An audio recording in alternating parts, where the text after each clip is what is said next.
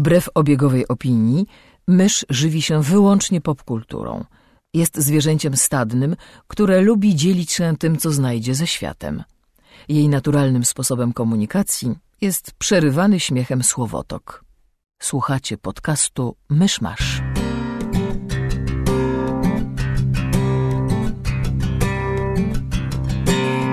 Gospodarzami podcastu Myszmasz są Krzysiek Sera, redaktor portalu Avalon. Kamil Borek ze studia Kobart. i Mysz, autorka bloga Mysza Mówi. Drodzy słuchacze, jest poniedziałek, 3 kwietnia 2017 roku, urodziny Marlona Brando i Aleka Baldwina. Zapraszam do 178 odcinka podcastu Myszmasz. E, mimo, że nagrywamy 1 kwietnia w Prima Aprilis, to nie jest żart, są u nas goście! What? Znaczy, w zasadzie my jesteśmy w gościach. Tak, poza tym ten odcinek, ten odcinek będzie e, 3 kwietnia e, opublikowany, więc... Tak, przed chwilą Właśnie, powiedziałem przed chwilą powiedział datę. W związku z tym ja zaznaczyłam, kiedy nagrywamy. To make the joke work, thank you for ruining it. Tak, w związku z tym mamy gościa, jest z nami em, nasza, em, e, że tak Gospodyni. powiem, tak, nasza gospodyni i częsty, częsty e, e, dodatek e, w postaci Megu z bloga Katus Gikus. Cześć. Cześć. E, oraz jest z nami e, słynny bloger, youtuber i w ogóle niejaki Paweł Opydo. Przywitaj się, Pawle. To ja.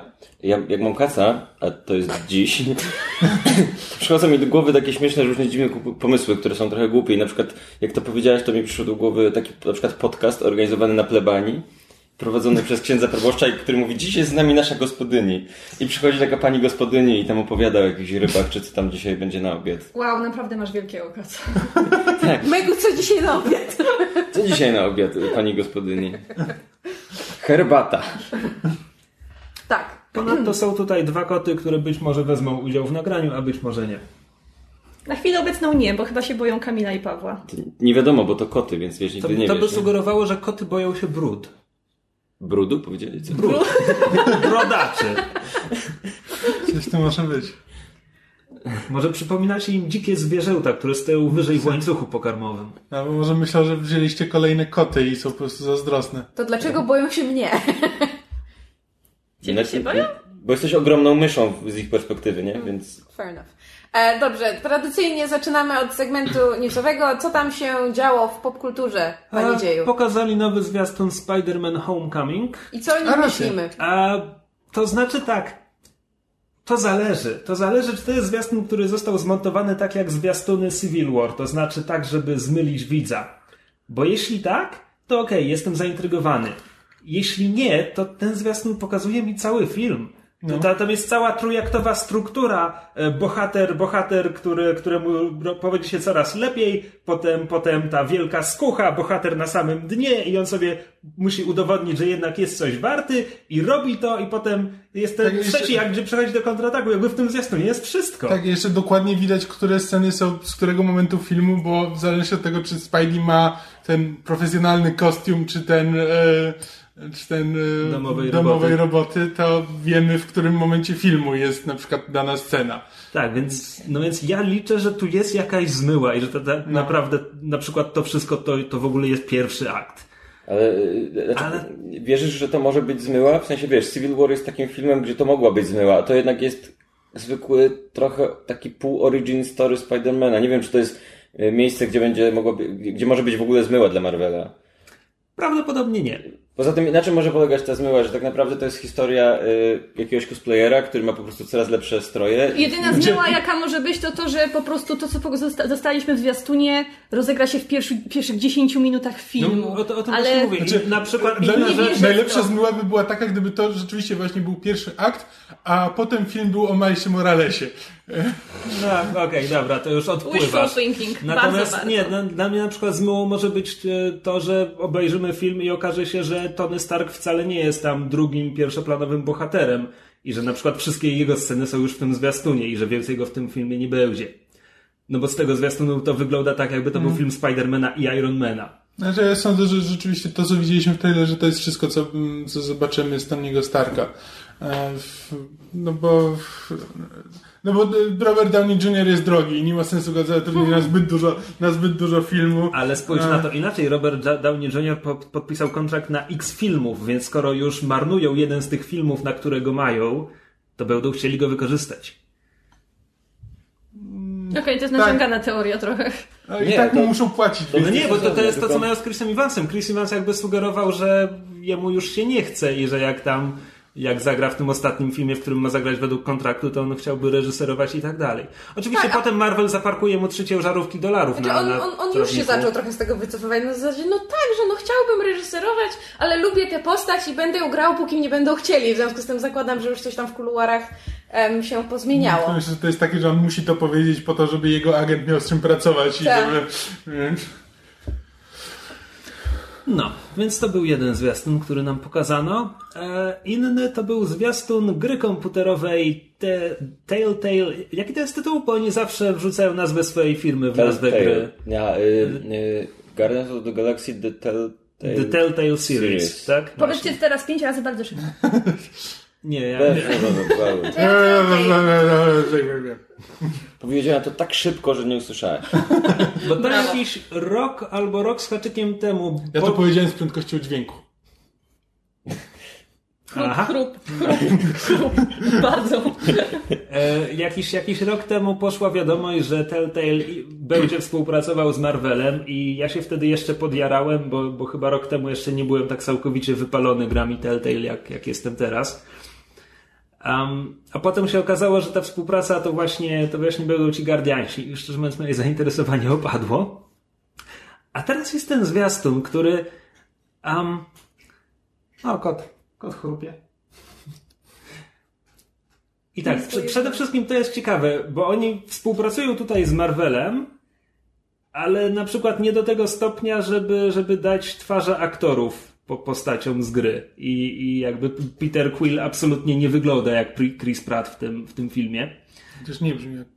No, no tak, no, o, o, tym, o tym mówię. E, Zresztą Gamora też nie wygląda jak pomalowana Zoe Saldana. Znaczy akurat dla mnie to, to lepiej, znaczy, bo jeśli nie mają tych aktorów, żeby grać te postaci, to lepiej, że też nie mają ich twarzy. Tak, tylko że w takim wypadku ja bym chciał, żeby oni nam dali swoją interpretację tych postaci, na przykład bliższą komiksów, być może, dużo bym dał za to, a ten zwiastun ewidentnie sugeruje, że to mają być mm, te same śmieszkowe postaci z filmu i w tym momencie to już pojawia się jakiś dysonans.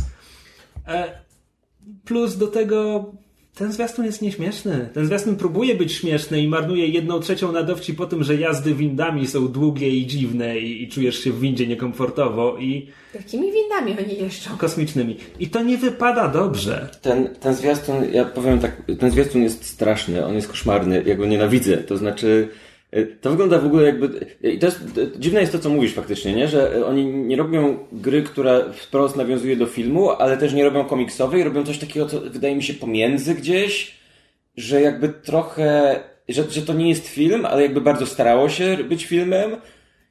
I to wychodzi bardzo nieśmiesznie i nie, nie ma. Gdzieś tam pojawia się jakaś rozpoznawalna muzyka, już nie pamiętam co tam jest, ale jest jakiś kawałek z Na samym końcu 80, zaczyna gdzieś na koniec. jakiś tam przebój. E, ale tego jest za mało, żeby to było to samo, ale to jest takie jakby, opatrzcie, to jest, to jest to samo, tylko że nie. No i faktycznie żarty tam są na poziomie, że Groot mówi I am Groot, na co Rocket mówi ale powiedziałeś. I to jest żart w tym zwiastunie. Tak, to, to, znaczy to jest, I ja miałem- to jest ja byłem- żart dla osób, które po raz pierwszy spotykają się z Grutem. Można by się tutaj zastanowić nad kondycją studia Telltale, które wybiło się gdzieś tam w kosmos Walking Dead, a potem robiło tę samą grę raz po raz, tylko czy z innymi, z innymi e, pod- podpisując umowy z innymi firmami. Wolf Among Us nie był Wolf dobrze? Among Us? Nie, absolutnie nie. Nie? Nie, nie. A dobra, pomyliłam Oni się. w, ogóle, oni w ogóle zaczynali jako tacy trochę pogrobowcy po LucasArts, bo ich pierwsze gry to było Sam and Max, oni zrobili e, Tales from Monkey Island, które było okej, Oni nie spoko. zrobili Jurassic Park też. E, tak, to było jeszcze zanim wybili się na Walking Deadach, bo ten Jurassic Park nie grałem oczywiście, ale recenzje były takie, że no nie. Tak, a potem zrobili Walking Deady, które były e, podzielonym na pięć odcinków e, trwającym jakieś 10 godzin szantażem emocjonalnym, e, który działał. I potem, no potem zrobili drugi sezon Walking Deadów, który działał w mniejszym stopniu. Teraz wypuszczają trzeci sezon i tak naprawdę ja widziałem jedną recenzję w internecie. Trochę tak jakby pies z kulawą nogą już się nimi nie interesował. Po drodze zrobili Batmana, który był krytykowany i ja nie kojarzę, szczerze mówiąc, pozytywnych czytałem opinii. tego Batmana w ogóle zapomniałem, E, wyszedł. ale szczerze mówiąc, ponieważ Walking Deady strasznie mi się spodobały i ja grałem w, jakby w każdą kolejną grę, którą wypuszczali, e, aż e, przeszedłem e, Wolf Among Us, które było bardzo spoko, bardzo w klimacie komiksów, e, a potem naraz zaczęli wypuszczać Tales from the Borderlands i grę o Tron. I Tales from the Borderlands to jest ostatnia ich gra, która zebrała naprawdę dobre opinie, ale ja już byłem wypalony i jakby odpadłem po, po jednym epizodzie tych Borderlandów i chyba dwóch tej gry o Tron. Jakby grę o Tron, którą uwielbiam, którą czytałem dwa razy, oglądam serial i w ogóle, ale po prostu już miałem dość, bo to jest za każdym razem ta sama gra. I to, że zmieniają mi dekoracje i postaci i, i u, popatrz, tutaj masz postacie z tego innego serialu, książki, komiksu, który lubisz, to już mnie nie jara. Szkoda. A propos gry o Tron, kiedy jest nowy sezon? Bo jakoś... Dopiero w lipcu. 16 lipca. Bo też właśnie parę dni temu teaser taki, gdzie jakby widzimy... Trzy ludki idą korytarzem. Tak. Przepraszam, O. trzema korytarzami. A- I siadają na trzech różnych tronach. To brzmi ciekawie niż zwiastun e, Guardians of the Galaxy, więc... A czy... Ja nie czytałam książek, znaczy półtorej. Czy wiemy, czego możemy się spodziewać? Nie, nie, sezonie? oni... Już szósty w, sezon w ostatnim oderwał sezonie, się od książek. A, Ostatni sezon już prawie wszystko miał spoza, spoza książek. Jeszcze tam jakieś luźne inspiracje, a w tym momencie to już jesteśmy kompletnie na nieznanych wodach. Hmm, ciekawie. Czy mogę też w wersji audio ponarzekać na zwiastun y, to? Nie wiem, czy widzieliście. Tak, a właśnie. Bo to też jest jeden z newsów, że wyszedł pierwszy, pe, pierwszy pełny zwiastun nadchodzącej kolejnej ekranizacji to Stephena Kinga. Tak. E, Po pierwsza była telewizyjna w roku 90 bodajże. Czy to nie powinna być ekranizacja tego Stephena Kinga? Nie. Chyba. To? Nie Od- będziemy teraz o tym rozmawiać. To jest ekranizacja to tego Stephena Kinga. Czy, Myszu, ty widziałaś zwiastun, rozumiem? Tak. Czy czytałaś książkę? Nie. Dobrze. E, co myślisz o tym zwiastunie? W porządku. W porządku. Znaczy, wiesz, na kanwie, na kanwie tego typu seriali jak Stranger Things i współczesnych trailerów do horrorów, które tam gdzieś mi wpadają w radar, bo aktywnie staram się ich nie szukać, bo potem mam koszmary, e, jakby jest porządnie zrealizowane i w sumie mnie zaciekawił. Z drugiej strony ja jakby właśnie nie, nie czytałam książki, mimo że mniej więcej wiem o czym jest. Nie widziałam kultowego filmu z, z Timem Currym, więc jakby... Nie. Ten film jest kultowy, ale ten film jest zły. Aha, Więc- nie wiedziałam. On no, jest jakiś, on bo jest ten film telewizyjny jest dwuczęściowy, prawda? Bo książka dzieje się na dwóch płaszczyznach czasowych, które się przeplatają. Aha. Masz bohaterów w dzieciństwie i masz tych samych bohaterów, jak są dorośli. No tak. I ym, właściwie historia jest bardzo podobna, bo oni po prostu muszą zebrać drużynę i pokonać zło. I cio- książka co chwilę przeskakuje z jednego czasu do drugiego. Pierwszy film, ten, który teraz zobaczyliśmy w zwiastunie, ma opowiadać tylko o tym, jak bohaterowie byli dziećmi, a potem wyjdzie druga część i Aha. tak, i ona będzie opowiadała o tym, jak bohaterowie są już dorośli. Em, bo tam jest w ogóle taki, e, taki ciekawy zabieg, że oni jako dorośli nie pamiętają tego, co się stało, e, co się, co się stało z nimi, jako, jak byli dziećmi. Ale I dopiero, na zasadzie PTSD trauma, czy nie pamiętają, bo magia? Em, raczej, raczej bo, bo, bo, bo magia, chociaż trochę traumy też tam na pewno musi być. E, przy czym to, co mi się w tym zwiastunie nie podobało, bardzo mnie wkurzyła ta scena na samym końcu, kiedy musi być obowiązkowy screamer w każdym zwiastunie e, horroru. To znaczy, że coś ci wyskakuje i e, potwór na ciebie wyskakuje i ty masz się przestraszyć. I tam jest pokazany clown Pennywise, który sam sobie jest straszny, bo jest klaunem. I on dostaje jakiegoś ataku epilepsji przed tą kamerą i tak naciera, na, na, naciera w stronę kamery i w stronę bohaterów po to, żeby widz się przestraszył, ale to jest tak głupie, bo Pennywise się te, tak nie zachowuje, on nie wyskakuje w książce, w ogóle w całej historii, nie wyskakuje na tych bohaterów z nienacka, żeby ich żeby ich przestraszyć. On, najstraszniejsze w nim jest to, że on po prostu przemyka ciągle gdzieś w tle, albo słychać tylko jego głos, i on e, te dzieci tak jakby kusi, żeby szły w jego stronę. E, w ogóle tam jest, e, nie, nie wiem, jak, nie, nie pamiętam teraz, jak oni w zwiastunie przetłumaczyli to float, bo to jest bardzo, bar- bardzo ważne słowo w książce i w, w książce to jest bardzo fajnie przetłumaczone, że będziemy się pławić. Oni tam chyba to przetłumaczyli, że będziemy się unosić, czy coś takiego, w każdym razie to już nie ma takiego tak wielkiego sensu. Dobiegając do konkluzji, chodzi mi o to, że zwiastun sam w sobie nie jest aż tak zły, ale jednak po, po zajawce do filmu, który jest ekranizacją, to oczekiwałabym czegoś więcej, bo to, to nie jest taki taki prosty, zwykły horror, po prostu, który macie tylko przestraszyć. Tam jednak Znaczy, fajna jest ta metafora pokonywania zła, dorastania. Nie licząc tej sceny w książce, kiedy grupa dzieci uprawia zbiorowy seks w kanałach, to jest bardzo niefajne. E, Ja nie wiem, czy kiedyś o tym słyszeliście. Jest tam taka scena. Ra- randomowa orgia dwunastolatków. Tak. tak, bardzo kontrowersyjna i do dzisiaj nie rozumiem, co sobie King myślał, kiedy ją tam rzucał.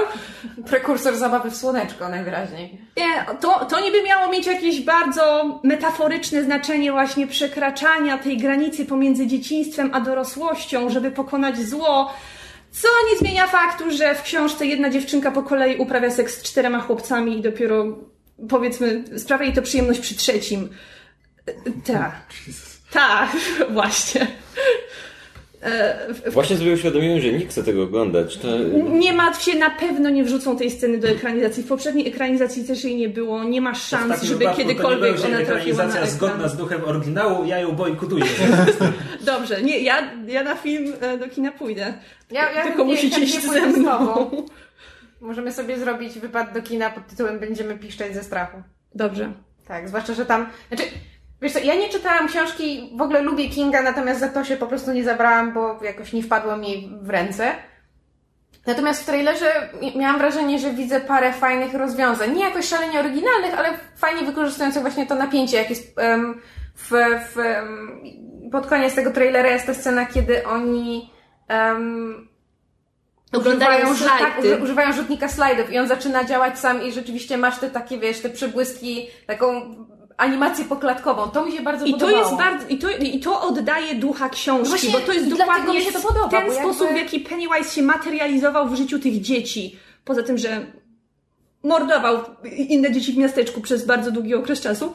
E, I, i, ty, i, I to było fajne. Tylko po prostu strasznie zmierziła mnie ta scena tego wyskakującego klauna, który, który, który No może- się trzęł się do kamery. To było bardzo Firm, głupie. Firma robiąca trailer po prostu uznała, że a, horror to musi być obowiązkowy właśnie, wiesz, jumpscare na koniec. No. Tak samo jak e, w zwiastunie jest taka scena, że z umywalki wyskakuje na e, bohaterkę fala czarnej mazi i to też jest ugrzecznione, ponieważ w książce tam dosyć ważnym momentem jest to, jak ta dziewczyna pierwszy raz dostaje okres. Właśnie się zastanawiałam, czy to I jest to powinno, nawiązanie i, do... Tak, i to powinna być krew, która ją zalewa, bo to dokładnie to jest odwzorowanie, od, odwzorowanie sceny z książki. I mamy horror. W, w horrorach latają flaki, walają się mózgi, krew leje się hit, hektolitrami, a oni tutaj się bali tego pokazać z jakiegoś powodu. Nie Tylko wiesz co, bo nie, ja nie pamiętam, to chyba nie był e, ten rated R trailer, znaczy w sensie taki właśnie, że tak powiem, bez... Może, może w trailerze, wiesz, zrobili na czarno, a w filmie będzie na czerwono, bo nie chcieli... Myślisz, że robią takie rzeczy? Nie. Robią takie Mogą, rzeczy. y, naprawdę, tak, żeby ugładzić trailer, żeby Słuchaj, na przykład mogli go puszczać przed większą ilością filmów. W zwiastunie tego strasznie żenującego filmu, w którym,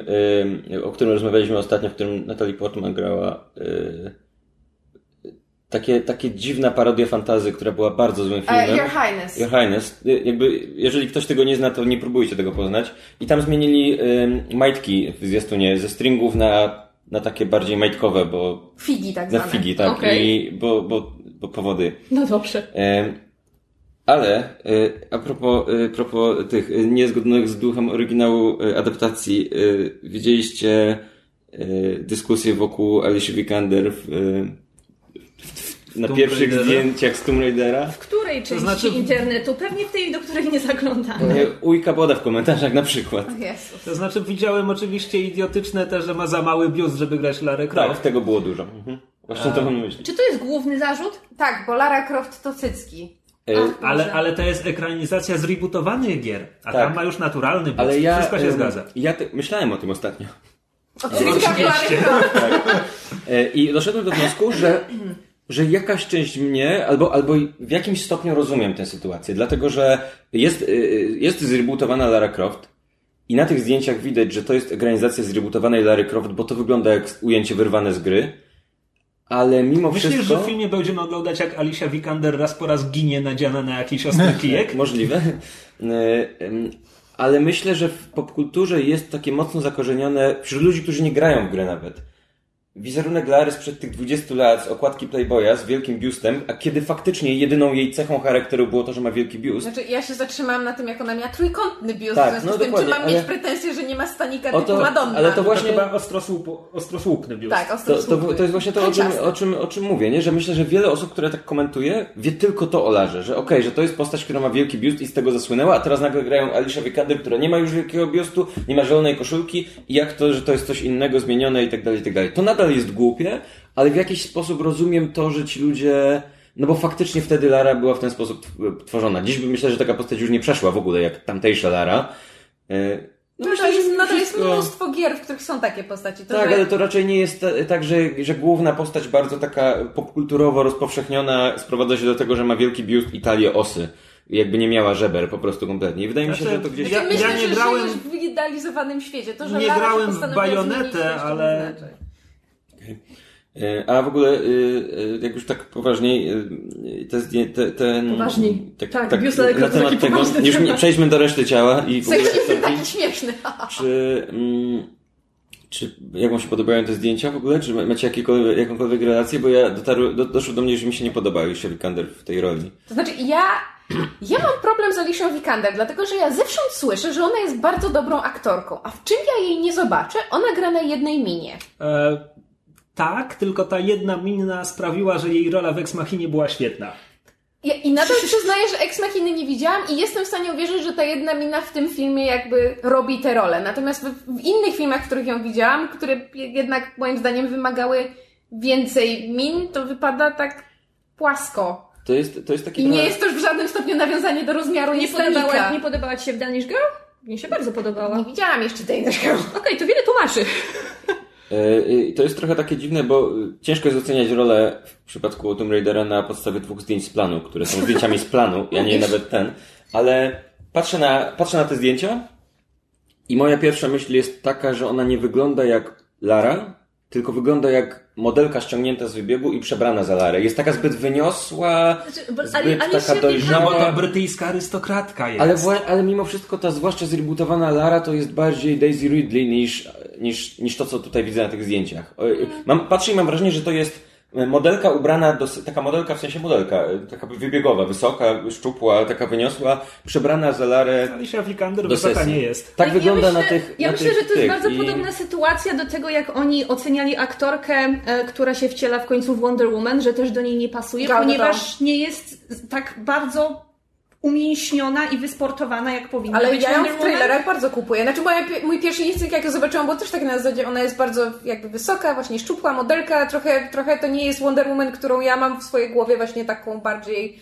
em, lepiej zbudowaną po prostu, ale jakby w trailerach tych, które widzieliśmy, ja ją kupuję, jakby się porusza z taką właśnie Ale to chyba jakby to, to były chyba kontrowersje przy pierwszym, takich pierwszych informacji o castingu, nie, nie że... Dokładnie w tej samej sytuacji, że wyciekło pierwsze zdjęcie z planu, na którym ona po prostu ma ramionka jak kurczaczek i w ogóle nie przypomina takiej wielkiej heroiny, bogini, która tam powinna wszystkich tych, ty, tym miecz, mieczem ciosać. I, I ja w pewien sposób jestem w stanie zrozumieć e, fanów, którym, e, którym e, tak jakby fizjonomia bohaterki, ale nie mówię tu o cyckach, nie, nie za bardzo pasuje do postaci. bez cysków. Bo, no bo jednak te ho- hollywoodzkie aktorki, one są takie dosyć, no, one są wiotkie i bardzo smukłe i nie mają w sobie nic z tych atletek, którymi ich y, bohaterki są w grze czy w komiksach i tak dalej. No tak, no, dla mnie Wonder Woman to jest na przykład Gina Carano, która jest, jest wrestlerką, znaczy jest, jest fighterką. I to jest jakby ten, jest, może nie jest super wysoka, jest bardziej krępa, ale jest właśnie zbudowana w taki sposób, że ja nie mam problemu, żeby uwierzyć w tym, że ona bierze faceta za fraki i wali nim o ścianę. A przy Gal Gadot miałam wątpliwości. Ale to jest ciekawe, bo jak na przykład macie aktorów, którzy ci- wcielają się w superherosów, um, Hemswortha czy Evansa, Evansa. którzy muszą nabrać masy, żeby móc wcielać się w te postacie, to jest bardzo ciekawy kontrast, bo aktorki tego w ogóle nie muszą robić, nie muszą nie muszą się rozrastać, powiedzmy, mięśniowo, tylko mają być jeszcze bardziej szczupłe. Seksizm. Seksizm. No, Seksizm i Hollywood, no. Tak, powiedzmy sobie szczerze, i tak ten film będzie do kitu. no fatalizm. A kto Ej. to właściwie robi? To, ma to jest pojęcie? ekranizacja gry wideo, no czego, co, dlaczego się tym interesujesz? Hej, to pewnie będzie tak samo dobry jak te inne dobre ekranizacje gier wideo. To jest ten moment, w którym wszyscy sobie przypominają... y, Assassin's Creed. World of Warcraft. Nie, y, ten jedyna, dobra, jedyna dobra ekranizacja gry wideo, czyli jest miasto takie... jak się nazywał ten horror? Y, Sleepy Hollow. nie. Nie. Silent Hill. Silent Hill. Właśnie. Y, jest Jak się pojawia. O, y, pojawia się, y, pojawia się materiał z jakiejkolwiek ekranizacji gry wideo zbliżający się i pojawia się, ej, może w końcu Ja- nowy, nowa dobra, poza Silent Hill nie był dobry, Ja- tylko po ja- prostu nie był bardzo zły. Więc... Ja wciąż utrzymuję, że Prince of Persia był To był fajny film. Jak, jak, jak już, jak już kupisz Jake'a no. Gyllenhaala jako irańskiego księcia, Ja lubię na przykład dwa Tomb Raidery z Angeliną Jolie. Ale naj, najwidoczniej e, tego Tomb Raidera e, z, reżyseruje jakiś ork z Warcrafta, bo e, reżyser nazywa się Roar Utaug. Roar jest moim ulubionym Roar. Utaug. Me roar. O wow. Nie mam Jak oni pojęcia. wołają na planie na przykład. Wyobraźcie sobie. Roar! Dobrze, a, ale to chyba przyszliśmy, e, ten, naturalnie skończyliśmy segment newsowo-zapowiedziowy i przechodzimy do tego, cośmy ostatnio skonsumowali. Od czego zaczynamy? Wiem, że tutaj część osób przy stole grała w grę. No, nową grę. zaczynać? Właśnie nie ja, wiem. ja, bym, ja bym No, zaczął, e, jeśli mi pozwolicie. Od bo- książki.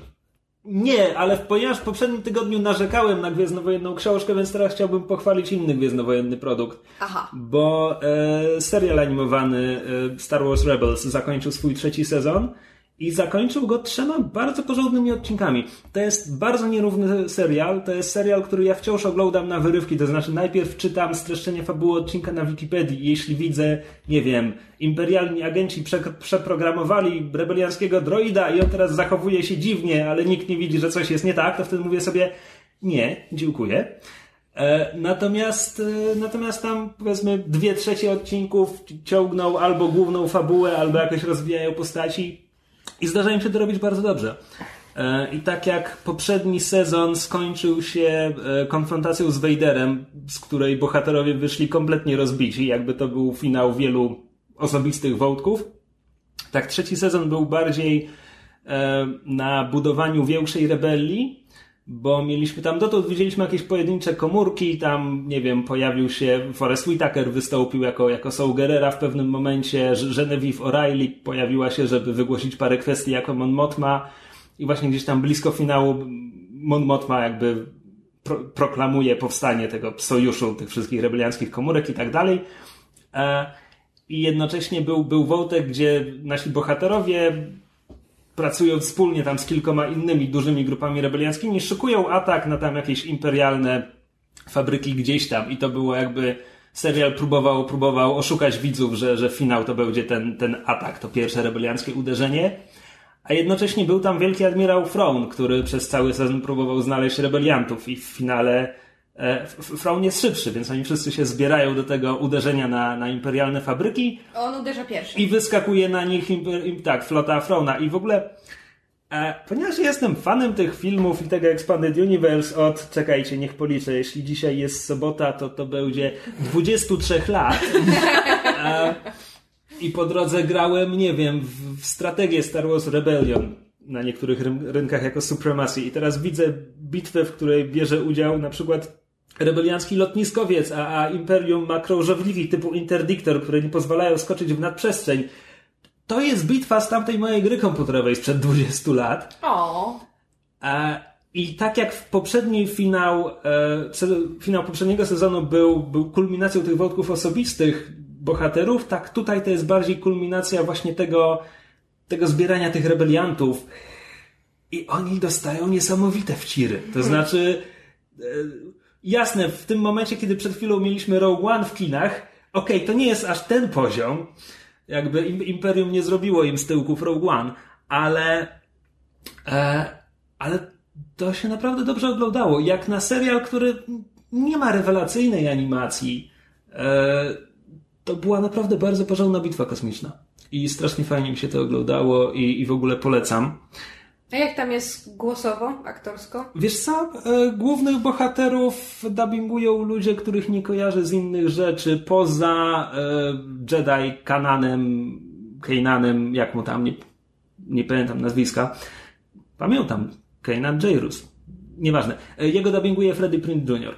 Natomiast cała reszta postaci pierwszoplanowych, nie kojarzę tych aktorów głosowych. Na drugim planie są znani ludzie. E, imperialnego agenta, który w tym momencie jest już rebelianckim agentem, dubbinguje, on się nazywa David Ojeleło? David Oyelowo. Właśnie. Skąd ja go znam? Um, Z tych olejów, wiesz.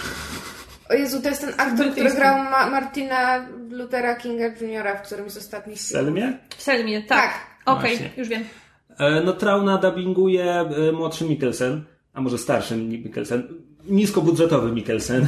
To chyba... Lars, y, Tak, w przeciwieństwie chyba do... Czyli- No nie, starszy? Lars jest starszy niż Matt? Niskobudżetowy Mikkelsen, drugi, tego się. Sherlock. Ten, który gra Tak, ten- w House of Cards Putina. Tak, tak. Znaczy Petrowa, przepraszam. Tak. No jakby teraz biorą też aktorów z filmów, czyli właśnie Genevieve O'Reilly, e, czy, czy Forrest Whitaker i tak dalej. A, oczywiście, że znam jednego z ludzi, którzy dubbingują głównego bohater, głównych bohaterów, bo, przepraszam, nie będę, e, bo tam jest taki, że tak powiem, odpowiednik Czubaki, który zresztą jest kosmitą, który, którego wygląd jest wzięty z pierwszych rysunków koncepcyjnych Czubaki. Kiedy był jeszcze e, takim stworkiem z wyłupiastymi oczami i szpiczastymi uszami i kompletnie nie był pokryty futrem. E, bo tego gościa dubbinguje nie przypomnę sobie teraz, wybitnie. E, Steve Bloom. Steve Bloom, który dubbingował Wolverina w wielu rzeczach i ogólnie ma opanowane tych takich, wiesz, twardych brutali o złotych sercach. Pytam się dlatego, że mam wrażenie, że tam jeszcze jedną z postaci gra je, prywatnie jego żona, Mary Elizabeth McGlynn, która jest z kolei anglojęzycznym głosem Major Kusanagi, co jest nawiązaniem do kolejnego filmu, który będziemy omawiać, bo byliście na Ghost in the Shell. Może. Natomiast e, mogę, mogę ci powiedzieć tyle, że tam do, do jakichś pojedynczych występów biorą, biorą, że tak powiem, znanych ludzi. No nie wiem, masz Ginę Torres albo e, Kevina McKidda, czyli aktorów serialowych, których jakby można kojarzyć, można nie kojarzyć. Kevin McKidd gra twardego Mandalorianina, więc wiesz, wraca do swojej roli z Rzymu w ten sposób. Będę się tego trzymał. Y, Ja się trochę odbiłem od tych seriali Star Warsowych na etapie tego, że w Clone Warsach, e, w tej już części trójwymiarowej, bardzo mnie irytowało to, że nie czułem żadnego zagrożenia w kierunku bohaterów. W sensie niezależnie wiesz co co? robiła przeciwna strona, to zawsze kończyło się to tym, że Grievous okazywał, o- okazał się kompletnym idiotą i jego plan był kompletnie absurdalny. Znaczy, zawsze... ja, ja wciąż nie mogę przeboleć, że y, kompletnie zignorowano to, jak Grievousa zrobił Tartakowski Tak. w y, dwuwymiarowych animowanych Clone Warsach, bo tam był świetny. E, Przez całe te 30 sekund, w których był, był. y, nie, no on był super. potem, tam potem była jeszcze jedna seria, kiedy te odcinki były już pięciominutowe i tam jest więcej Grievousa. Animowane jeszcze cały, cały Tak, czas były? tak, Okej, tak, tak, tak. Dobra, myślałem, że on... E, tak, wiesz co, tego się bałem, y, kiedy rebelianci zaczynali, bo tak sobie pomyślałem, że kurczę, jeśli oni będą w każdym odcinku rołbać to imperium, no to, to czemu sami nie wygrają tej bitwy? I pierwszy sezon trochę taki był i dlatego ja dałem sobie spokój. I potem wróciłem jakoś, nie wiem, rok temu niecały wróciłem do tego serialu i, i on jest pod tym względem w porządku. To znaczy jasne, oni odnoszą zwycięstwa regularnie, ale kiedy jest coś ważnego, kiedy, nie wiem, ściągają na przykład Vadera e, na występy gościnne w drugim sezonie, to nie po to, żeby ci bohaterowie mogli mu obić mordę, tylko po to, żeby on ich zdruzgotał doszczętnie. I to wypada dobrze. I tak samo na przykład ten finał tutaj. Okej, e, z pierwszoplanowych bohaterów nikt nie ginie, natomiast to jest absolutna klęska dla rebelii i jakby czujesz to, że oni to wszystko jakby widzieliśmy przez ostatnie półtora sezonu, jak oni gromadzili sobie kolejne stateczki i tak dalej i wow, patrzcie, mamy tutaj taką małą flotę, a potem wyskakuje na nią sześć niszczycieli gwiezdnych i oni już nie mają tej floty. E, I to jest spoko. Jakby czujesz, czujesz, że oni to przegrali. Uciekli z życiem, ale zdecydowanie to przegrali. Pod tym względem to jest spoko. E, I jeszcze był odcinek przed dwuodcinkowym finałem, który był domknięciem wątków, które ciągnęły się jeszcze z Clone Warsów. To jest takie strasznie dziwne, bo mogę powiedzieć, uważajcie, spoiler, to jest spoiler dla ludzi, którzy zaczęli oglądać Clone Warsy, ale przestali sobie... Bo spoiler polega na tym, że Obi-Wan zabija Darfa Mola. I teraz jak przypomnisz sobie, no tak, oglądałem Phantom Menace, o co chodzi? E, no bo oni wzięli i skreślili Mola w tych animowanych Clone Warsach komputerowych i teraz przywołali go z powrotem w Rebeliantach. E, I teraz wreszcie dali mu pójść, pójść na spoczynek. I to jest śmieszne, bo to jest motyw, który pojawił się dość krótko po Mrocznym Widmie. Był komiks, e, niekanoniczny komiks z tego jeszcze starego kanonu, który obecnie już cały jest niekanoniczny, gdzie właśnie widzieliśmy jak tam Mol na robocich nóżkach pojawia się na Tatooine i brodaty Obi-Wan musi z nim walczyć i tak dalej. E, komiks nazywał się Old Wounds i tutaj w dialogu też pojawia się fraza Old Wound, bo rebelianci są pełni fanserwisu. E, I potem jakby wskrzesili tego Mola, jakby ludzie się spodziewali, że okej, okay, może kiedyś to zatoczymy pełne koło i znowu zobaczymy tę walkę. I tak, i tutaj niespodzianka polega na tym, że tak jak Lucas inspirował się Kurosawą i filmami samurajskimi i tak dalej, tak tutaj ten jeden raz to samo zrobili twórcy animacji. I tak jak normalnie, jak stają, stają na, naprzeciw siebie przeciwnicy z mieczami świetlnymi, to wiesz, że przez kolejne 5-10 minut będą się nimi rąbać jak kijami.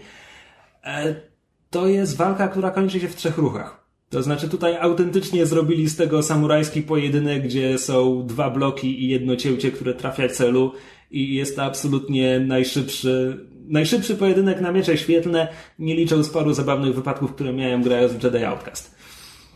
E, I to jest, to jest zaskakujące. Za pierwszym razem my, myślisz sobie, czekaj, co? Teraz, to wszystko? Wow, czekaj. Oni, oni zaczęli budować fundamenty pod, ten, pod tę walkę rok temu i to jest wszystko. Ale potem jak sobie to powtórzyłem, to jest dobre. To ma sens. Więc to jest serial, który, mówię, jest nierówny, kiepskie odcinki są kiepskie, jest dużo zapychaczy niepotrzebnych, ale jakby sama oś historii jest bardzo spoko i jakby wkręciłem się, wkręciłem się na dobre. Okej, okay, okay, to a co z tym mm, duchem w muszelce w końcu? Kto, kto to widział już? Myśmy wczoraj Ręce w górę, to będzie dobry podcasting. I tylko ty podniosłeś rękę w tym momencie, więc... Okej, Nie, no, ja też. Ja dalej. Okej, y, ja wam to powiem. Megu, Kamil i Krzysiek widzieli Ghost in the Shell. Proszę bardzo. A kto, dobrze, to kto znał oryginał wszyscy? Rełka w górę! Kamil i Krzysiek. Nie, bo ja na przykład ja nic. nic. Ja tak- A niestety wczoraj nie mogłam Widziałem to pójść. bardzo dawno. To Nie, znaczy- nie mogłam pójść z wami, ja bardzo chciałam, bo byłam ciekawa, jak ja to odbiorę, nie znając oryginału, i nawet nie bardzo wiedząc cokolwiek o oryginale, Znaczy, oprócz tego, że oryginale jest... w Że jest cudzysłowie, oryginałem jest manga. t- tak, ale mówię jakby szeroko, w sensie poprzednie A, instancje. a, a widzisz, a ja tutaj sobie jeszcze podbiję trochę geek credu, bo ja czytałem mangę, ale to było może w gimnazjum, a prawdopodobnie w późnej podstawówce i praktycznie nic nie pamiętam. E, Natomiast potem obejrzałem jeszcze drugi film animowany, który z pierwszym nie ma praktycznie nic wspólnego i parę odcinków serialu e, Standalone Complex, który fama głosi jest najlepszą wersją Ghost in the Shell'a. Bo na przykład ten oryginalny film animowany, jak go sobie powtórzyliśmy parę miesięcy temu, to on jest piękny wizualnie i ma wspaniałą ścieżkę dźwiękową i jest bardzo nastrojowy. Jak masz sekwencję, gdzie przez trzy minuty nie ma nic poza panoramami tego miasta i mu- muzyką, okej, ja tam jestem, ja czuję ten świat, ja to chłonę i w ogóle. Ale to jest film bez fabuły i bez postaci, które by mnie obchodziły kompletnie. Um, I na tym tle to ten film kinowy wypadł dla mnie lepiej. To znaczy, ten film kinowy ma fabułę, to jest fabuła Robocopa z paroma, z paroma przeróbkami niewielkimi i to na przykład jest niefajne, że jakby fajnie, że dali temu jakąś fabułę, nie fajnie, że to jest strasznie wtórna fabuła. Plus robią pewne rzeczy z postacią pani Major, które naprawdę nie wychodzą i nawet nie mówię tutaj o, o castingu Scarlett Johansson i tak dalej, tylko sam Czy będzie sekcja spoilerowa? Bo ja mam dużo do powiedzenia na ten temat. Pewnie, pewnie powinna tak. być. E, tylko robią z niej. Z jakiegoś powodu postanowili pójść w ten trop e, bohaterki, która jest potężna, ale strasznie niepewna siebie, swojego miejsca i, i w ogóle. I to jest trochę. no tak naprawdę to jest wariacja na temat tego tropu, nie wiem, trop Jean Grey, najpotężniejsza mutantka ever, ale zostaje mrocznym feniksem i szaleje, a potem musi się poświęcić, bo co jakby, tak jakby kobieta nie mogła być po prostu potężna i panująca nad sobą. I tutaj mamy, szczerze mówiąc, przez pierwsze pół filmu ja myślałem, że oni idą w kierunku, żeby nam powiedzieć, że, że Major, kiedy jeszcze była organiczną tą, to, to że była małą dziewczynką. Bo jakby tak jak prezentowali tę postać, ona jest tak, Tak. zagubiona w tym wszystkim. Z- Zresztą, y, jak ona miała, ona, ona w pewnym momencie ma takie przebłyski ze swojego wcześniejszego życia i ja odniosłam wrażenie, że ona tam właśnie jest pokazana jako dziecko, że właśnie tam była scena, w której jest tam Tak, to dziecko, tak, a tak. potem się okazuje, że ona nigdy nie była dzieckiem, więc to Znaczy, no dziwne. była dzieckiem, kiedy była dzieckiem, ale nie przed swoją Ale ta- przemianą. Tak, no bo te, tak, te jej wizje były bezpośrednio związane z tym, kim, kim ona była wcześniej, zanim stała się tym cyborgiem. Tak, I te, I te, jakby ta postać jest po prostu przez to tak niespójnie zaprezentowana. Jakby w momencie, kiedy oglądam film i myślę sobie, aha, ona jest małym dzieckiem, a potem film mi mówi nie, no to ja nie mam pojęcia, co się dzieje. Mhm. Jakby coś skopali. Ja powiem tak, mnie się ogólnie. Idąc na ten film, byłam przekonana, że to będzie wielka kupa. Tak? A jest nieco mniejsza najprościej, Nie, ten film nie jest, y, nie jest wielką kupą w takim sensie, że w porównaniu z moimi Mamy, odczuciami. mamy hasło na plakat. W porównaniu z moimi odczuciami po tym, jak obejrzałam anime, które mi się w ogóle nie podobało, bo było takim przegadanym pitu-pitu o niczym. To Ale było nastrojowym pitu-pitu o niczym. Dobrze, ale to nie jest coś, co czyni film dobrym. E, To pierwsze pół godziny, czy tam godzina te, teraz tego filmu e, podobała mi się o tyle, że wizualnie to było bardzo dobre, efekty specjalne były bardzo fajne. Podobało mi się to, że film w przeciwieństwie do anime ma fabułę i nie jest odwzorowaniem klatka w klatkę tego, co było w, e, w filmie animowanym, chociaż wykorzystuje dużo scen Im, Im bliżej końca filmu, tym bardziej idzie w to kopiowanie klatka w klatkę z, Tak. tym, z anime. Tylko, że w pewnym momencie film robi coś takiego, że ja po prostu, po prostu siadłam i sobie pomyślałam, nie, nie zrobili tego, albo potem tak zrobili to, kurwa, nie mogę. I, i, W i to części spoilerowej wyjaśnisz o co chodzi. bardzo, bardzo dobitnie wyjaśnię, o co mi chodzi. Em, I nie podobało mi się to, jak grała Scarlett Johansson, bo ja bardzo nie lubię jej poprzedniego filmu, który po, po, posiada bardzo podobną Lucy. ścieżkę fabularną, czyli Lucy. Nie lubię tego, jak ona tam grała, nie cierpię tego filmu i Ghost in the Shell pozwoliło mi zrozumieć, że ja chyba nie lubię Scarlett Johansson jako aktorki, bo ona wszędzie gra tak samo. I Ghost in the Shell jako ten film ma taki problem, że to jest kolejny raz ta sama historia o cyborgu, który dowiaduje się, że okoliczności jego powstania wcale nie były takie, jak mu od zawsze opowiadali i że jego celem życiowym nie było to, co mu, co mu ludzie wmawiali od samego początku. I oglądamy tę samą historię tego biednego cyborga, slash robota, slash androida, cokolwiek, od lat. I to się w ogóle nie zmienia. Film pełnometrażowy, ten, który właśnie obejrzeliśmy, miał szansę coś dodać do tej historii i ją trochę odświeżyć, bo dobra, w tym 95 roku anime rzeczywiście mogło być przełomowe pod względem tego, jak pokazali cyberpunk, ale tutaj nie zrobili z tym nic i co jest po prostu takie To znaczy, totalnie miałkie. Oni, oni stracili szansę na pokazanie jakiegoś przełomowego spojrzenia na cyberpunk w momencie, kiedy stwierdzili, że oni będą nam pokazywać retro cyberpunk. Bo to, co widzimy w tym filmie, to nie jest przyszłość naszego świata, to jest przyszłość naszego świata z lat 80., bo tutaj wciąż wszyscy podczepiają się kabelkami, bo tutaj chyba nie istnieje coś takiego jak GPS, GPS, cokolwiek. E, jakby w tym filmie nie ma internetu. W tym filmie o cyberpunku praktycznie nie ma internetu.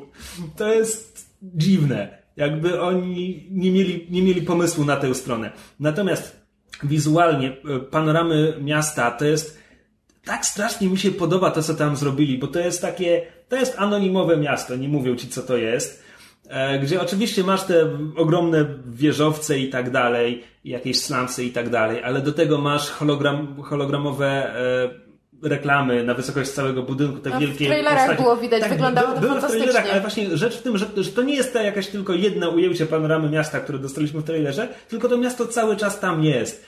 I jakby to jest absurdalne. Ta, ta, jakby tam masz, nie wiem, jakieś holograficzne karpie, które pływają po ulicach. Po co one zapraszają do restauracji? wiesz nie co, wiem. Widziałem, ponieważ Ale- widziałem tylko zwiastun, ale w kwestii tego, co mówisz, jak zobaczyłem to w zwiastunie, to pomyślałem, tak, hej, znając rynek reklamy, to dokładnie tak będzie wyglądała przyszłość.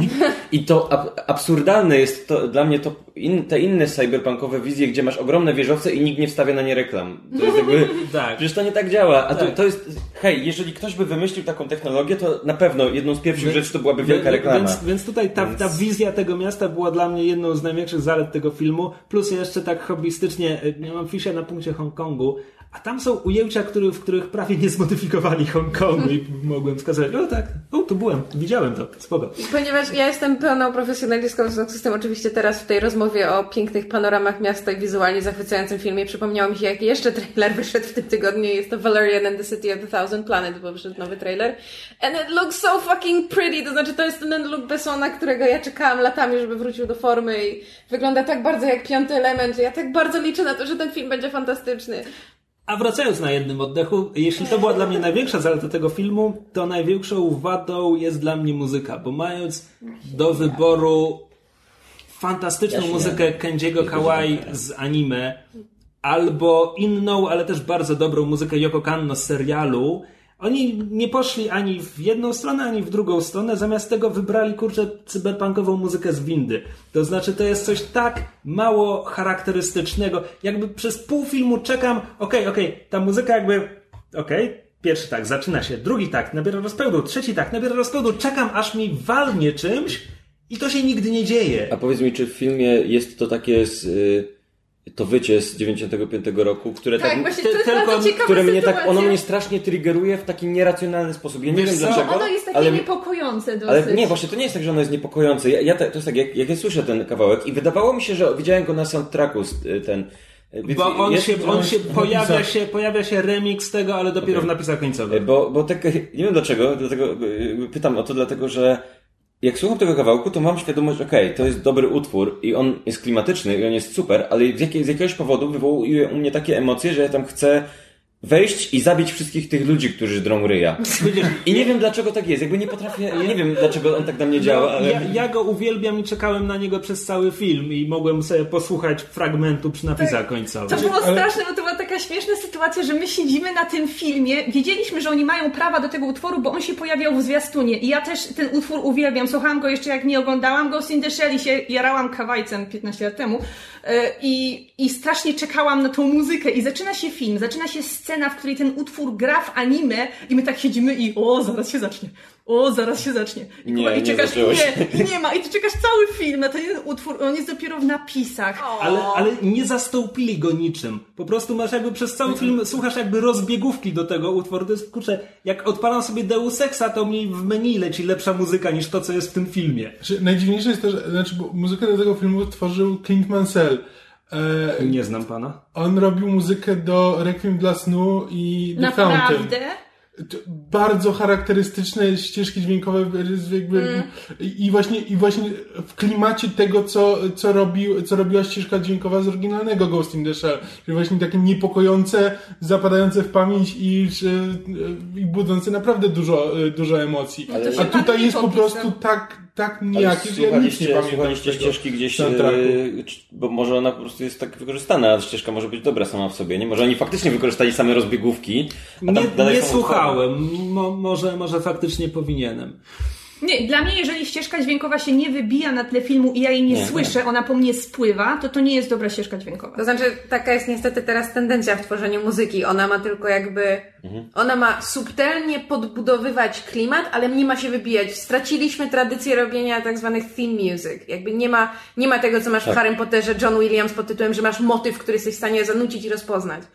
Jakby teraz tendencja jest pod tytułem, że muzyka ma być niezauważalna i ma pod, działać na twoją podświadomość, żeby ewentualnie, wiesz, manipulować twoimi emocjami, żebyś się poczuła zaniepokojona, nie wiem, smutna, wesoła i tak dalej. Ale ma, ma Chyba, że, chyba, że masz okazję wstawić jakiś kawałek z lat 70., tak żeby widzowie uwierzyli, że oglądają dobry film. Tak. Znaczy, jeszcze- muzykę tak, tego typu trzeba umieć i jest ich niewiele, jednym z nich jest James Gunn, w związku z tym Guardians of the Galaxy 2, nie zawiedźcie mnie.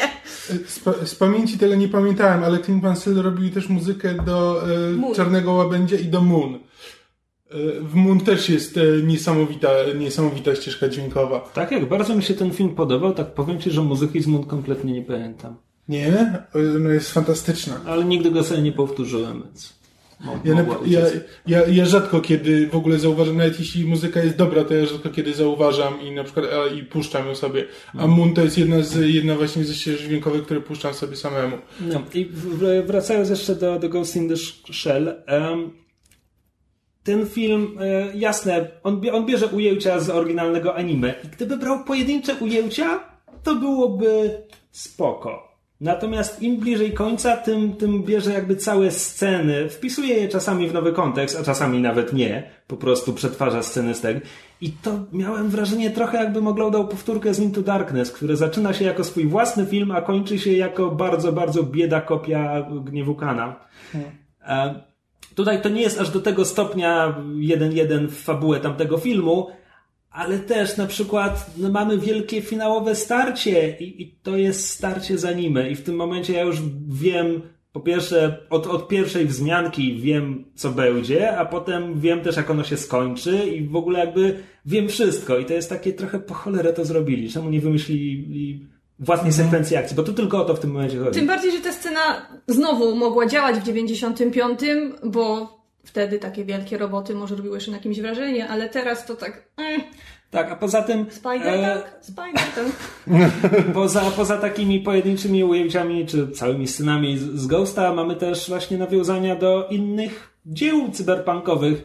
I tutaj możemy się już kłócić, ile jest Robocopa w tym filmie, ale mamy też e, sceny z Blade Runnera i to nie tylko przy panoramach miejskich, czy, czy najazdach na sklepiki z Bramenem.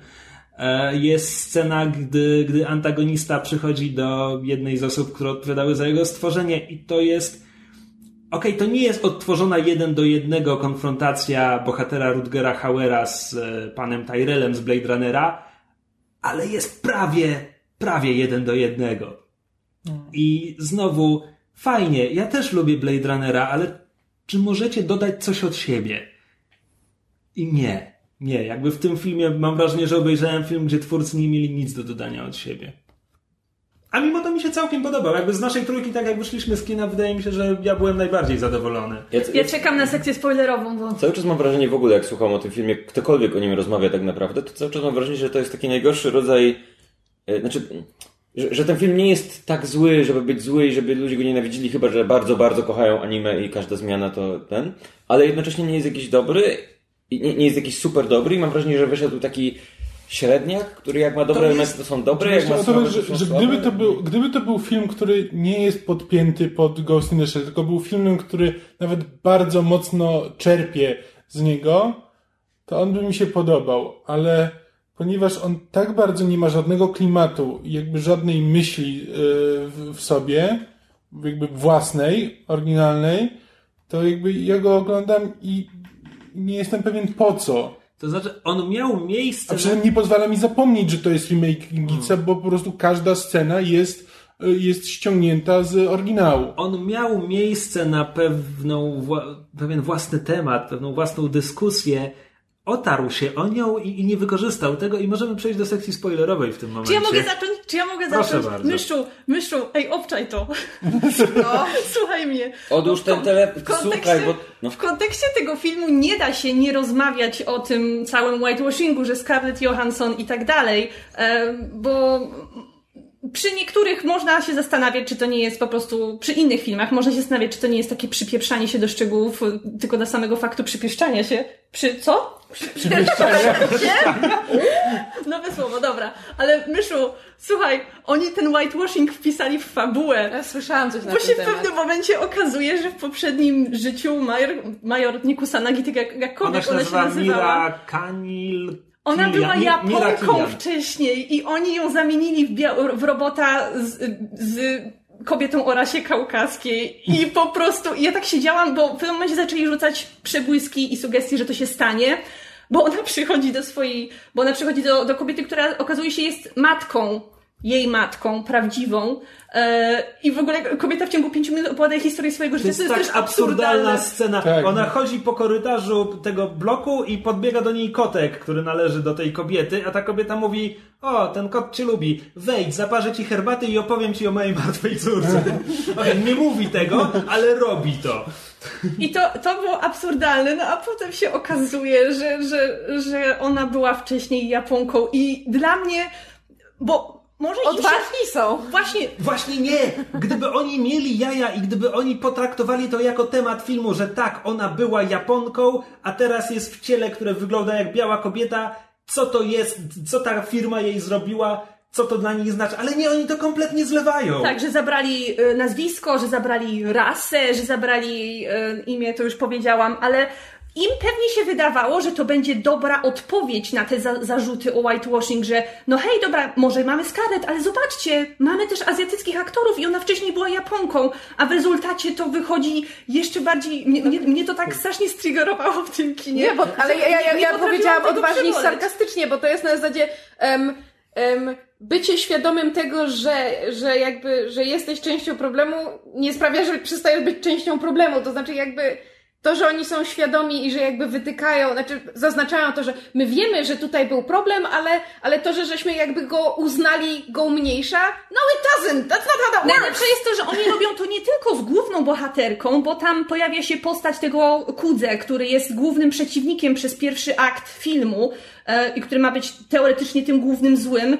Potem okazuje się, że to był jej ukochany z tego poprzedniego Oczywiście. życia i też był Japończykiem i jego też zamienili w białego człowieka, bo gra go Michael Pitt z Broadwalk Empire. I to jest, i to jest identyczna sytuacja. Więc ja mam własną interpretację tego filmu. Ja stwierdziłam, że twórcy nieświadomie stworzyli em, tak jakby historię, em, taką, taką alegorię na whitewashing, tylko że ten whitewashing w finale się powinien na nich zemścić i on się na nich mści, bo w mojej interpretacji Cutter, czyli właściciel tej firmy Hanka, która produkuje te roboty, jest, e, jest taką metaforą Hollywoodu, no i on na końcu zostaje zamordowany przez tych, przez, ty- przez tych Azjatów, więc, więc to, to jest moja interpretacja Tak, bo, tego bo filmu. mo- morduje go jedyny autentyczny Azjata w filmie, czyli Takeshi Kitano grający dyrektora Aramakiego. No, który przez cały film mówi po japońsku i wszyscy go rozumieją. I wszyscy odpowiadają mu po angielsku, co ja w tym momencie nie wiem, czy on po prostu ich olewa, czy... Ktoś tutaj jest nieuprzejmy i nie wiem kto. Także to, to co oni zrobili z tym A nie- twistem- Okej, ja jeszcze bardziej chcę ten film teraz obejrzeć. Przepra- przepraszam, w filmie jest jeszcze jeden autentyczny Japończyk, bo mamy e, Togusę, który jakimś cudem w tym filmie ma jeszcze mniejszą rolę niż w oryginalnym anime. Tak. To, to jest dziwne, bo, y, bo to, to nie brzmi jakby, jakby taki był pomysł i hej, zatrudnijmy kogoś białego, a potem opowiedzmy historię, która jest alegorią, tylko to jest takie coś, co brzmi jakby było dopisane, ale my wiemy, że oni tam wzięli Scarlett Johansson nie dlatego, że chcieli opowiedzieć historię o tym, jak Japonka została zmieniona w białą kobietę, tylko dlatego, że Scarlett Johansson zarobi więcej pieniędzy. Ale potem wymyślmy sobie historię do tego i to jest takie trochę tak, takie... Niesmak zostaje, To jest, nie? to jest taki, taki niesmak, No że to nie jest zrobione dlatego, że oni chcieli coś powiedzieć, To tylko znaczy, dlatego, że gdyby, chcieli sobie gdyby oni, wiesz. nawet gdyby oni e, próbowali coś o tym powiedzieć i wyszłoby coś strasznie niekomfortowego, czy po prostu by to jakoś skaszanili, to przynajmniej dałbym im punkty za odwagę, ale to oni to olewają, oni to kompletnie olewają. Plus oczywiście do tego dochodzą jeszcze rany boskie. Matka poznaje swoją córkę w białym ciele, bo po spojrzeniu, bo e, bo matczyna miłość do Tak, w cyborga. dodatku ona ani słowa praktycznie nie powiedziała, no bo ona weszła do tego, e, do tego pokoju, tam usiadła, dostała herbatę i zanim w ogóle zdążyła żeby one porozmawiały i że po Ale- prostu jakby taki tak klimat rozmowy i wtedy Ale- ale matka to się zorientowała, że coś taka- tu jest nie tak. Nie, ona po prostu tam siedzi i nagle ta matka stwierdza, że o, w sumie to ja widzę w tobie swoją córkę. To znaczy, to jest taka absurdalna scena, Okej. bo ona jeszcze opowiada o, o tej Motoko, która żyła i była taka, taka e, no, pełna werwy, że pisała polityczne manifesty i była nieustraszona i w Była ogóle i ty mi ją przypominasz, siedząc tutaj cicho przy swojej herbatce i patrząc w przestrzeń.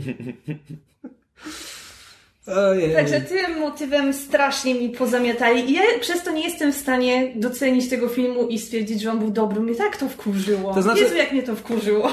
Bo, bo, to, bo tak, bo oni wzięli anime i, i zremiksowali je i dodali do, dodali do niego fabułę. Tylko to jest wtórna fabuła i pełna złych kliszy. Jakby nawet olewając już wszystkie kwestie związane ze Scarlett i Motoko, to sytuacja, w której mamy szefa tej firmy, żeby mieć, wiesz, jakiegoś antagonistę, którego można zastrzelić, żeby na koniec poczuć się lepiej. Czy to, że ten finał e, pokazuje nam, że on ma jakiś joystick i steruje tym pająkoczołgiem, bo żeby pokazać, że wow, bohaterka walczy z głównym złym, z którym dotąd nie była w ani jednej w scenie. Po prostu... No dobra, byli w jednej scenie, ale to... to... To jest film, w którym były niezłe motywy, bo na przykład jej relacja z panią doktor Juliette Binoche, przepraszam, nie pamiętam imienia postaci, tam mogło coś być w tym, gdzie ta obca w sumie kobieta ma jakieś matczyne instynkty wobec tego cyborga, którego pomogła zrobić. Coś w tym jest, ale kompletnie tego nie eksplorują.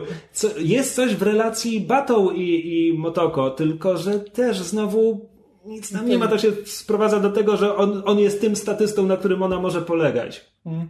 Aczkolwiek podobało mi się to, że widzimy go jeszcze z organicznymi oczami, a potem... Tak. Bo w anime on miał od razu, Od razu, te, tak, te, te tak. cybernetyczne. W ogóle Bo, ba- jakby Battle- też w, ani- w anime jakby nie ma kwestii, jak powstała e, ten major.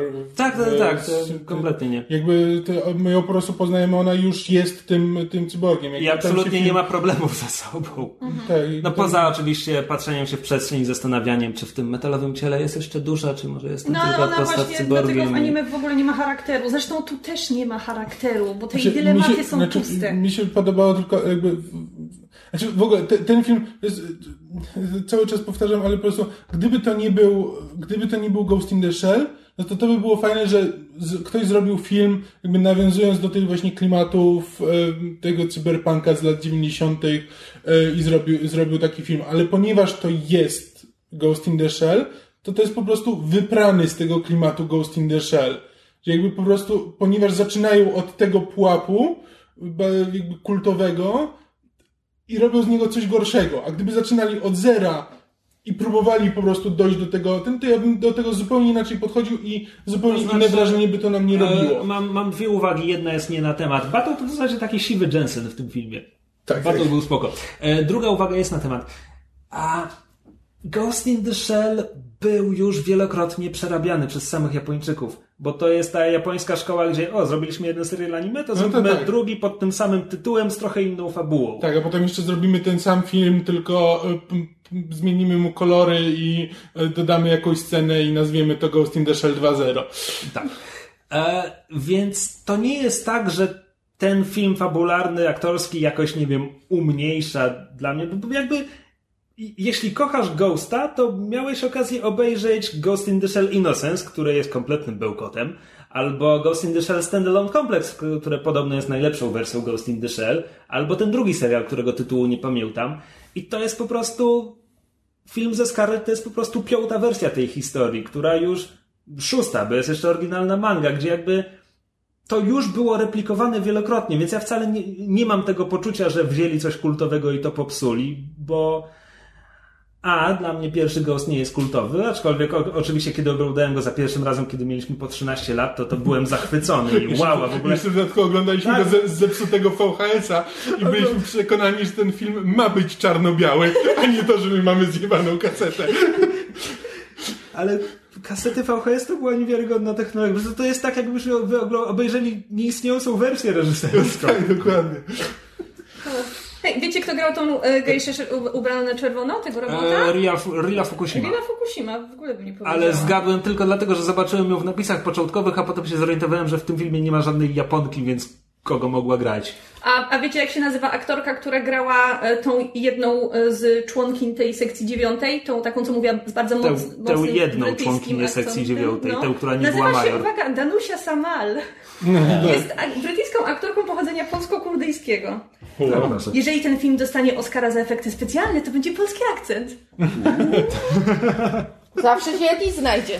Znaczy, ja jeszcze tylko do roli Scarlett Johansson e, w tym filmie. E, znaczy tak, film jej daje rolę, w której no, ona musi grać jedną, e, jedną twarzą, jakby, że jest cyborgiem trochę wypranym z emocji. To już chyba trzeci E. taki film, bo oprócz Lucy jeszcze było Under the, Under the Skin, gdzie też miała taką rolę. No tak. I arguably Avengers. Arguably tak. Może właśnie dlatego ją wybierają do tych ról, bo wiedzą, że ma tylko jedną twarz w swoim emploi. Ale właśnie wcale nie, znaczy, bo pamiętasz ten film z e, Josephem Gordonem, Levite, Gordonem Levitem?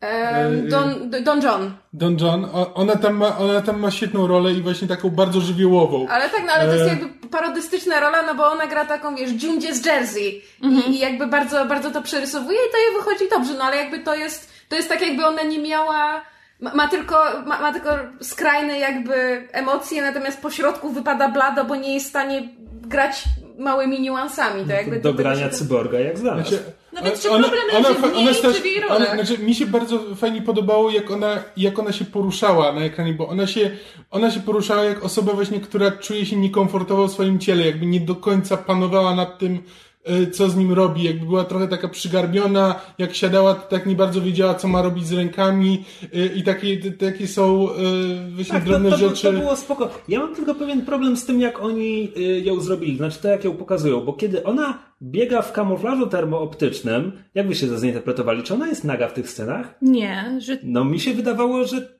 tak, że to jest jej cyborgiczne Znaczy, ciało, właśnie że ona tak mi- wygląda. ale z drugiej to strony- potem ma sceny, gdzie biega w podkoszulku i kompletnie pod tym podkoszulkiem nie ma żadnej, Nie, żadnego ale nawet jak, na nawet jak ona jest w tym kamuflażu, to jakby widać, że w momencie tam, gdzie się kończy kamuflaż, zaczyna się jej szyja, to jest jakby zupełnie inny kolor skóry. No ale to wtedy nie ma sensu, bo przecież twarz też jej znika. Na twarzy też ma no właśnie. Nie, to nie może być jej skóra, bo jak ona potem ma tą scenę, że nurkuje, zdejmuje strój do nurkowania i ona pod spodem jest normalna, tylko że widać jej linie łączące No tak, poszczególne ale z, drugiej fragmenty strony, ciała. ale z drugiej strony, kiedy rozpada się w finale, to to jest jej ciało. To, co się rozpada. No rozpada się razem z kostiumem, bo jest taki z nią zrośnięty. Nie, jak dla mnie po prostu to robią niekonsekwentnie. Według mnie to ma być jej ciało, tylko potem zapomnieli o tym, kiedy, o tym, kiedy jest ubrana. No dobrze, E, dość już pastwienia się? myślę, że tak. Znaczy znowu, dla mnie to był przeciętny, przeciętnie porządny film akcji, a ponieważ nikt inny mi nie oferuje wysokobudżetowego cyberpunku, Tak, tak. czekam na Blade Runnera 2048C, czy jakkolwiek to się nazywa, e, to, to byłem zadowolony. Jeszcze 30 lat. Bo na, na bezrubiu i, i, i Scarlet ryba, co? nie wiem, nie wiem, co próbuję powiedzieć. Powiemy coś o Broadchurch? No to tak szybko. Tak szybko, bo mówiłem, że skończyłem pierwszą serię parę tygodni temu, a teraz skończyłem drugą serię i to jest, e, dla przypomnienia, angielski serial kryminalny z Davidem Tennantem i Olivią Colman, który, muszę powiedzieć, w pierwszym sezonie jego wielką zaletą było to, że to był świetny portret miasteczka, w którym doszło do zbrodni. Jako kryminał, jako zagadka kryminalna było pełno strasznie na, no, natarczywych czerwonych śledzi i w ogóle i to było takie trochę nie ten, ale jako portret miasteczka było super. I w drugim sezonie dużą zaletą tego serialu jest to, że on ewoluuje, bo drugi sezon jest przede wszystkim dramatem sądowym, gdzie osoba złapana na końcu pierwszego sezonu mówi, że jest niewinna. I teraz widzimy proces i wszystkie te rzeczy, kiedy bohaterowie w poprzednim sezonie zachowali się może nie do końca profesjonalnie, teraz wypływają. Teraz wypływają jako argumenty obrony na zasadzie, że patrz, co oni robią, przecież to ma być policja, co to w ogóle jest, w ogóle ten. Trzeba, trzeba, no, e, trzeba go uniewinnić. I to jest spoko. Problem, problem dla mnie polega na tym, że nie poszli w całości, że twórca nie poszedł w całości w ten dramat sądowy, tylko wciąż chciał zrobić z tego kryminał, bo wypływa sprawa z przeszłości e, detektywa Hardiego, postaci, postaci Tenanta. E, I jakby wychodzą nowe dowody, więc on do niej wraca, więc on przesłuchuje tych paru podejrzanych, których miał wtedy. Tylko kurczę, tak jak w pierwszym sezonie to był portret całego miasteczka, tak tutaj to jest niemalże sztuka teatralna, gdzie tak naprawdę wiemy o czterech osobach związanych ze zbrodnią i wszystko rozgrywa się między nimi. I, dla mnie cały ten jakby jeden z dwóch głównych wątków całego sezonu dla mnie nie działał. Poza tym, że mieliśmy y, no e, aktora Darcy'ego w roli Jamesa Dino podobnego zbira z papierosem w ustach i, i był fantastyczny w tej roli. sezonu. Tak. E, To, to jakoś do, dla, no, nie przekonało mnie do końca. Ale jednocześnie też widzimy, co się dalej dzieje z tym miasteczkiem i tą społecznością, więc to było, to było jakoś tam kontynuowane i było w porządku. A teraz właśnie zaczął się trzeci sezon, którego obejrzałem jeden odcinek na razie i serial znowu ewoluuje, bo upływ czasu jest ten, czas tam upływa tak jak u nas, więc to jest już trzy lata później. Wracamy do tego miasteczka, tylko że tym razem jest zupełnie inna sprawa. Jest kwestia brutalnej Ja właśnie mam napaści trochę z problem z tą gwałtem. sprawą, powiem ci. Dlatego, że y, jestem troszeczkę, tak jakby serial nie spełnił moich oczekiwań po tych dwóch sezonach, które bądź co bądź krążyły wokół morderstw. I Jezu, nie zabijcie mnie teraz, ale trzeci sezon y, rozwiązuje sprawę tego y, seksualnego drapieżnika, nie wiem jak to się tłumaczy na polski. Gwałciciela. gwałciciela, który po prostu zgwałcił jedną, jedną kobietę i, I, i, I po tym, jak miałam tyle gadania o morderstwach i rozwiązywania dosyć poważnych spraw kryminalnych, to to jednak trochę jest obni- obniżenie poprzeczki. I Jezu, nie rzucajcie we mnie niczym. Ja wiem, że gwałt to jest straszna sprawa, ale naprawdę chciałabym morderstwo. Może, może ktoś zginie? Nie oglądaliśmy jeszcze dalej. Wiesz co? A, to zdanie wyrwane z kontekstu. Gwałt to straszna sprawa, ale chciałabym morderstwo. Nie cytujcie mnie. No, to będzie w tytule tego odcinka, nie przejmuj się, wszystko będzie dobrze. Wiesz co? Znaczy, zależy co oni z tym zrobią. Bo już, już w tym pierwszym odcinku masz pokazane, że to nie będzie tylko sprawa gwałtu. Bo masz też tam postać Olivia Colman zostaje wezwana do szkoły przez, przez dyrektorkę, bo syn rozpowszechniał pornografię w szkole. I jak dla mnie, jeśli ten cały sezon będzie. Ale to jest ciągle aftermath tego, co się działo z ich rodziną w poprzednich sezonach. Nie sądzę, żeby to był drugi, główny wątek całego sezonu. Nie, ale ja chciałem powiedzieć, że, że jeśli to nie będzie tylko jakby. Że jeśli ten gwałt nie będzie tylko podstawą zagadki kryminalnej, a teraz znajdźmy, kto to zrobił, tylko będzie jakimś punktem wyjścia do rozmowy o kulturze gwałtu, że użyję tego stwierdzenia, e, to coś w tym może być. Twórca na pewno ma ambicje, no bo drugi sezon miał być komentarzem co do brytyjskiego wymiaru sprawiedliwości. O Jezu, i on był tak genialny. Myszu, nic mnie tak nie triggerowało nigdy w, w serialach, jak sprawa kryminalna w tym serialu i sprawa kryminalna w, e, O.J. de- w O.J. Simpsonie. Jak tam jest pokazane, jak ci adwokaci potrafią każde twoje słowo zmanipulować, wyjąć z kontekstu i po prostu tak cię pogrążyć. Ja byłam tak wkurzona na te postaci z, te, z ty, tych adwokatów. To jest niesamowicie bulwersujące, jak, po- jak, jak, jak wchodzisz do sądu niewinny, a możesz wyjść z wyrokiem, mimo że nic nie zrobiłeś, bo jest- tak wszystko zostanie przekręcone. Albo w drugą stronę, wchodzisz winny i wychodzisz niewinny. To jest strasznie niewdzięczna robota, prawnicy. No więc pomimo pewnych niedociągnięć drugiego sezonu, pierwszego zresztą też, nie, nie oszukujmy się, e, ja mam dużo zaufania do, do twórcy i myślę, że ten trzeci sezon może być ciekawy. To więcej o nim powiemy, jak już go obejrzymy. Tak. Okej, więc y, ponieważ y, wcześniej, wcześniej był segment, w którym y, dwie osoby nie oglądały filmu, a trzy osoby oglądały, to teraz będziemy mieć segment, w którym trzy osoby nie grały w grę, a dwie grały, tak? To dobrze rozumiem, że tak będzie działać? No, Ale ja będę was wiesz, punktował celnymi pytaniami w ogóle jako fan oryginalnej trylogii i tak dalej. Y, Nie, graliśmy- a tak, ty nawet fanfiki pisałeś. Jeden. O, To- O, o, czekaj, musimy to przeczytać.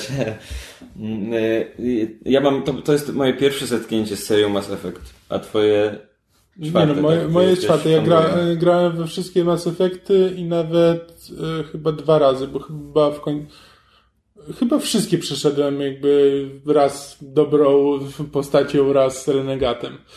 E, więc, e, więc tak, jakby z- znam świat, nie jest mi obcy i bardzo, bardzo lubię.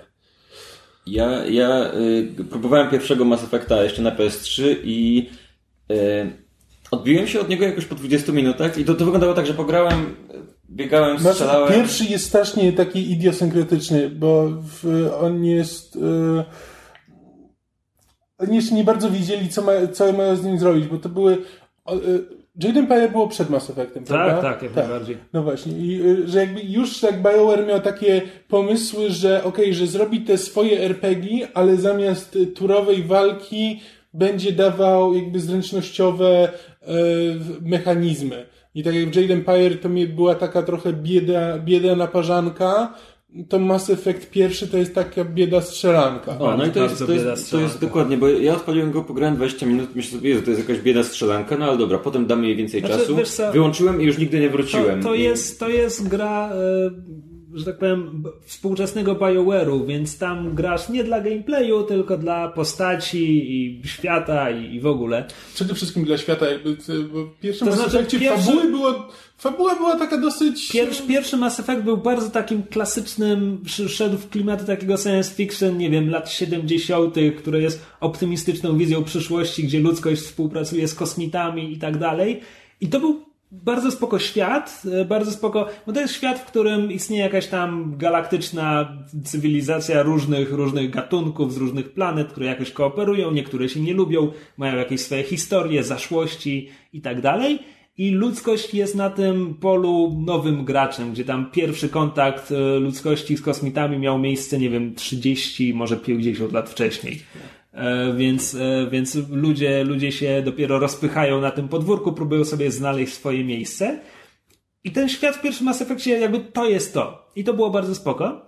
Potem był drugi Mass Effect, który odrzucił wiele mechanizmów RPGowych, poszedł dużo bardziej w strzelaninę i drugi Mass Effect był już porządną strzelaniną. w pierwszym starali się bardzo, żeby to, żeby to był głównie RPG e, z, jakby z mechanizmami RPGa jakby w, i tylko jakby narzuconymi na tą, na tą formułę tej strzelaniny, gdzie jakby miałeś bardzo dużo e, umiejętności, które miały bardzo dużo punktów, można było przydzielać na dużo różnych rozmiarów, tylko że to nie miało tak naprawdę To nie bardzo miało dużo znaczenia. sensu ani znaczenia. AI przeciwników było beznadziejne. I po raz ostatni w Gag BioWare'u miałeś e, umiejętność odpowiadającą za gadanie. A, prawda. Tak, e, wi- więc dru- drugi Mass Effect jakby wyrzucił te me- mechanizmy RPGowe, poszedł dużo bardziej w zwykłą strzelaninę, gdzie miałeś jakby cover shooter, porządny, fale przeciwników i strzelanie jak do kaczek. Nic nadzwyczajnego, ale na wyższych poziomach trudności to było nawet dość skomplikowane. E, Dużo bardziej poszedł w postaci, jakby drugi Mass Effect jest, nie wiem, parszywa dwunastka w kosmosie, gdzie jakby lwia część gry to jest po prostu zbieranie tej ekipy, a potem jeszcze rozwiązywanie ich problemów, żeby oni ci zaufali jako przywódcy i potem masz ostatnią misję, którą jakby przez całą grę to jest nazywane, że to będzie misja samobójcza, gdzie oni mogą zginąć. Albo nie, jeśli grasz porządnie, to wszyscy przeżyją, ale jakby to, co zrobiłeś wcześniej, czy to, czy zaskarbiłeś sobie ich lojalność, wpływa na to, czy oni, jak się sprawią podczas tej ostatniej misji to można łatwo jakby wyśmiać, bo tak naprawdę trzy czwarte problemów tych wszystkich ludzi jest, jest takie, że mają daddy issues i ty grasz ich kosmicznym, kosmiczną ojcowską figurą, która rozwiąże ich wszystkie problemy statusiami i jeśli rozwiążesz ich wszystkie problemy statusiami, to wtedy oni ci nie poginą w finale. Znaczy w ogóle Mass Ale to działa. Znaczy Mass Effect 2 to jest taka najbardziej meta gra BioWare'u, bo to jest po prostu gra BioWare'u The Game, gdzie jakby zawsze wszyscy mówią, że najlepsze, najlepsze w ich grach są postaci, jakby właśnie poznawanie historii twoich kompanów e, i, e, i, to jest to, co jakby odróżnia gry BioWare'u od wszystkich innych gier, że po prostu zależy ci na tych postaciach, które są w twojej drużynie. I zrobili dokładnie o tym całą grę, że po Tak. prostu poznajesz, najpierw poznajesz swoich członków drużyny, zbierasz ich, a potem im wszystkim pomagasz po Tak. kolei. Jeszcze- to jest jakby cała gra. Pod względem prezentacji jakby w dwójce poszli dużo bardziej w mm, filmowość tego wszystkiego, Tak. bo jakby już w jedynce przerywniki, dialogi próbowały używać filmowych ujęć na, na jakieś tam zmiany ujęć w czasie dialogów postaci i tak dalej. W dwójce poszli w, dużo bardziej w tę stronę, plus jeszcze te najważniejsze misje były bardzo e, bardzo oskryptowane, tam się jakby działy duże rzeczy, przelatywały statki kosmiczne, były jakieś piękne krajobrazy i tak dalej. Jakby z każdej takiej misji, z każdej istotnej dla gry misji próbowali robić taki mały, może nie film akcji, ale przynajmniej odcinek jakiegoś serialu. To była zresztą bardzo epizodyczna gra, w to się bardzo dobrze grało na, wiesz, na wiele posiedzeń. Natomiast ucierpiała na tym prezentacja świata, bo na przykład świat y, z Mass Effecta drugiego w wielu detalach nie pasuje do świata z poprzedniej gry. E, Plus też poszli, bardzo poszli w taką cool stylizację. Takie w pierwszej grze wszystkim musisz dobierać zbroje i to są takie ciężkie kosmiczne skafandry i tak dalej. I możesz nie zmieniać kolorki i twój twardy, twardy kroganin może biegać w biało-różowej zbroi i to jest piękne i dobre i potrzebujemy tego więcej. E, Tak w drugiej części gry jest tak absurdalna, po prostu bohaterki są tak absurdalnie seksualizowane niektóre. Po prostu masz tam kobietę, która biega praktycznie e, topless, tylko ma jakiś skórzany pasek, który jej zasłania sutki i ona tak wybiega w próżnię kosmiczną. Albo masz jakąś twardą Asari, która jest tam strażniczką tych świętych praw i w ogóle i ona ma dekolt do pełka, bo to jest jej główna cecha charakteru, że ona ma fajny dekolt i lubi go eksponować.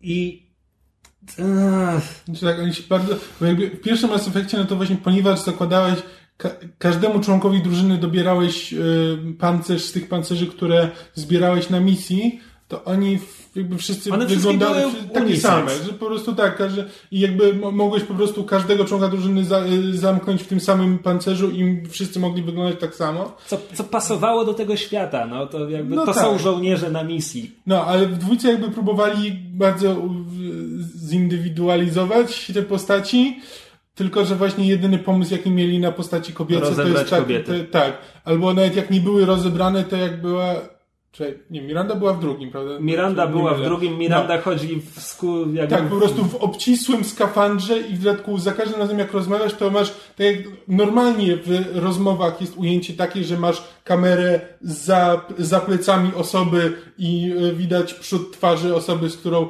rozmawia, to przy Mirandzie ta kamera była ustawiona na wysokości jej tyłka i widziałeś na pierwszym planie obrys, obrys jej e, tyłka ubranego w obcisły kombinezon i w, I w tle i swoją w tle postać. Sheparda, tak, As- z nią rozmawia. I to po prostu, wiesz, to było tak absurdalne, że Pod, pod wieloma względami dwójka jest najlepszą częścią, pod wieloma względami jest Tak. żenująca. E, No, a trójka była finałem finałów. Jakby zaczynasz grę w trójkę i od samego początku gry masz finały wątków z poprzednich gier. A potem masz zakończenie, które było kontrowersyjne, bo nagle pojawia się kosmiczne dziecko i w ogóle. Tak, jeszcze jakby twoje za- zakończenie nie bardzo było powiązane z tym, co robiłeś wcześniej. I po prostu dostawałeś trzy różne, trzy różne zakończenia, ale y, nie ma tak jak w większości, większości RPG-ów na zasadzie, że potem masz, nie wiem, plansze, które ci pokazują, że no ta osoba tutaj potem zrobiła to i to, tylko no po prostu masz cutscenkę jedną z trzech i to jest koniec gry. Znaczy potem zrobili rozszerzone Tak, tak. zakończenie, gdzie właśnie dodali takie Tak. statyczne plansze. Ale też tak No. jakby... No, dobra, no jest, to jest oryginalna trylogia, więc Andromeda. To, to jest to, co mnie ominęło właśnie. Tak. Ym, Okej. No i teraz Andromeda. Mamy y, grę, która jest kontynuacją z jednej strony, ale z drugiej strony dzieje się 650 lat po tamtych. Tak, i w Tak. innej galaktyce. I w innej tak, W galaktyce. dodatku, zaczyn- w dodatku jakby, e, jakby postaci zostały wysłane do tej innej galaktyki 600 lat temu, ale w trakcie wydarzeń z Dwójki. dwójki bodajże, więc jakby one nie wiedzą jak się skończyły, jak się skończyła ta trylogia. Więc jakby oni po prostu wybrnęli, wybrnęli z tego, że nie bardzo, nie, nie bardzo było wiadomo jak, e, żeby nie musieć podejmować decyzji, no to po prostu zanim te wszystkie ważne decyzje, e, które e, wpłynęły na losy galaktyki zapadły, no to oni wysłali te... Chociaż to ciekawe przy tworzeniu postaci. Tutaj wybierasz, czy twój Shepard był kobietą, czy mężczyzną. Shepard był kobietą, to jest proste. I nie ma, i nie ma żadnego, jakby nie, nie, nie, nie widzę żadnego efektu tego. Jakby to jest decyzja, którą podejmujesz. Jakby nie, nie spotkało mnie do tej pory ża- żaden, żaden. No, y, pewnie ktoś gdzieś kiedyś będzie wspominał Sheparda i musieli Tak, wiedzieć, jakiego po- zaimka używać. Dokładnie. E, Okej, więc y, mówię, to jest, to jest moje pierwsze zetknięcie z grą. E, dzięki uprzejmości EA, bo nie wydałbym na nią pieniędzy, ponieważ nie grałem w poprzednie i nie przepadam za BioWare'em. Grałem w, mas, w, grałem w Dragon Age pierwszy, bo był bardzo tani, a potem zagrałem Potem kupiłem Dragon Age Inquis- Inquisition i nienawidzę tej gry. Absolutnie nie cierpię tej gry. Ja nie, cierpię, nie cierpię pierwszego Dragon Age'a, Inkwizycja mi trochę e, odrzuciła, jakby tam e, w miarę... To, to jest dla mnie wszystko, dla mnie wszystko drugi Dragon czego Age nie lubię. BioWare w jednej grze, to jest Inkwizycja. Ale dostałem grę od EA, więc bardzo dziękuję. Robię teraz reklamę EA w waszym podcaście. Okej. W każdym razie e, i kwestia jest taka, że najlepsze elementy Mass Effect Andromeda są poprawne. Gra składa się z elementów poprawnych, średnich i irytująco złych, a mimo to nie jestem w stanie przestać w nią grać i nie wiem do końca dlaczego. Ale uwielbiam tę grę. Tylko i to jest dla mnie bardzo irracjonalne. Ja mam mniej więcej, ja mam mniej więcej to samo. Po prostu Mógłbym na nią godzinami narzekać, świecie. wiesz. E, ale, ale jakby decyzje, które które jakby doprowadziły do powstania nie uważam za najbardziej trafione. Jakby w ogóle e, ja, jest, ja ostatnio jestem strasznie cięty na otwarte światy i praktycznie w żadnej, w żadnej grze mi one nie odpowiadają. Jest niewiele gier, w których, e, w których to jest rzeczywiście pomocne, a jeśli to jest pomocne, to mówimy o grach pokroju Just Cause, e, gdzie po prostu latasz po wyspie i masz, i masz robić rozpierduchę, więc tam to jest normalne, że tam masz otwarty świat, po prostu chodzisz po świecie i niszczysz wszystko, co na, napotkasz na swojej drodze i to by nie było zabawne, gdyby było liniowe. Just Cause to jest ta gra, w której uwalniasz wioski spod dyktatury, rozwalając im całą infrastrukturę? Dokładnie, tak. Okej, ma to sens. Znaczy, e, to jest Just Cause. w dru- znaczy, oni w drugim Just Cause jakby próbowali to obrócić w satyrę, właśnie na zasadzie takiej, że jakby em, Ameryka destabilizuje to państwo, próbując je uwolnić i jakby to była mechanika gry na zasadzie musisz zdestabilizować państwo, więc musisz rozwalić wszystko, co tam, e, co tam jest. I jakby próbowali to wpisać w satyrę. W trzeciej już się, w trzeciej już się tym nie, nie bawił. E, Ale, ale, albo na przykład Skyrim, gdzie jakby samochodzenie po świecie jest ciekawsze od tego, co, e, co jest w głównej fabule. Jest jedyną rzeczą, dla której warto grać w Tak, dokładnie.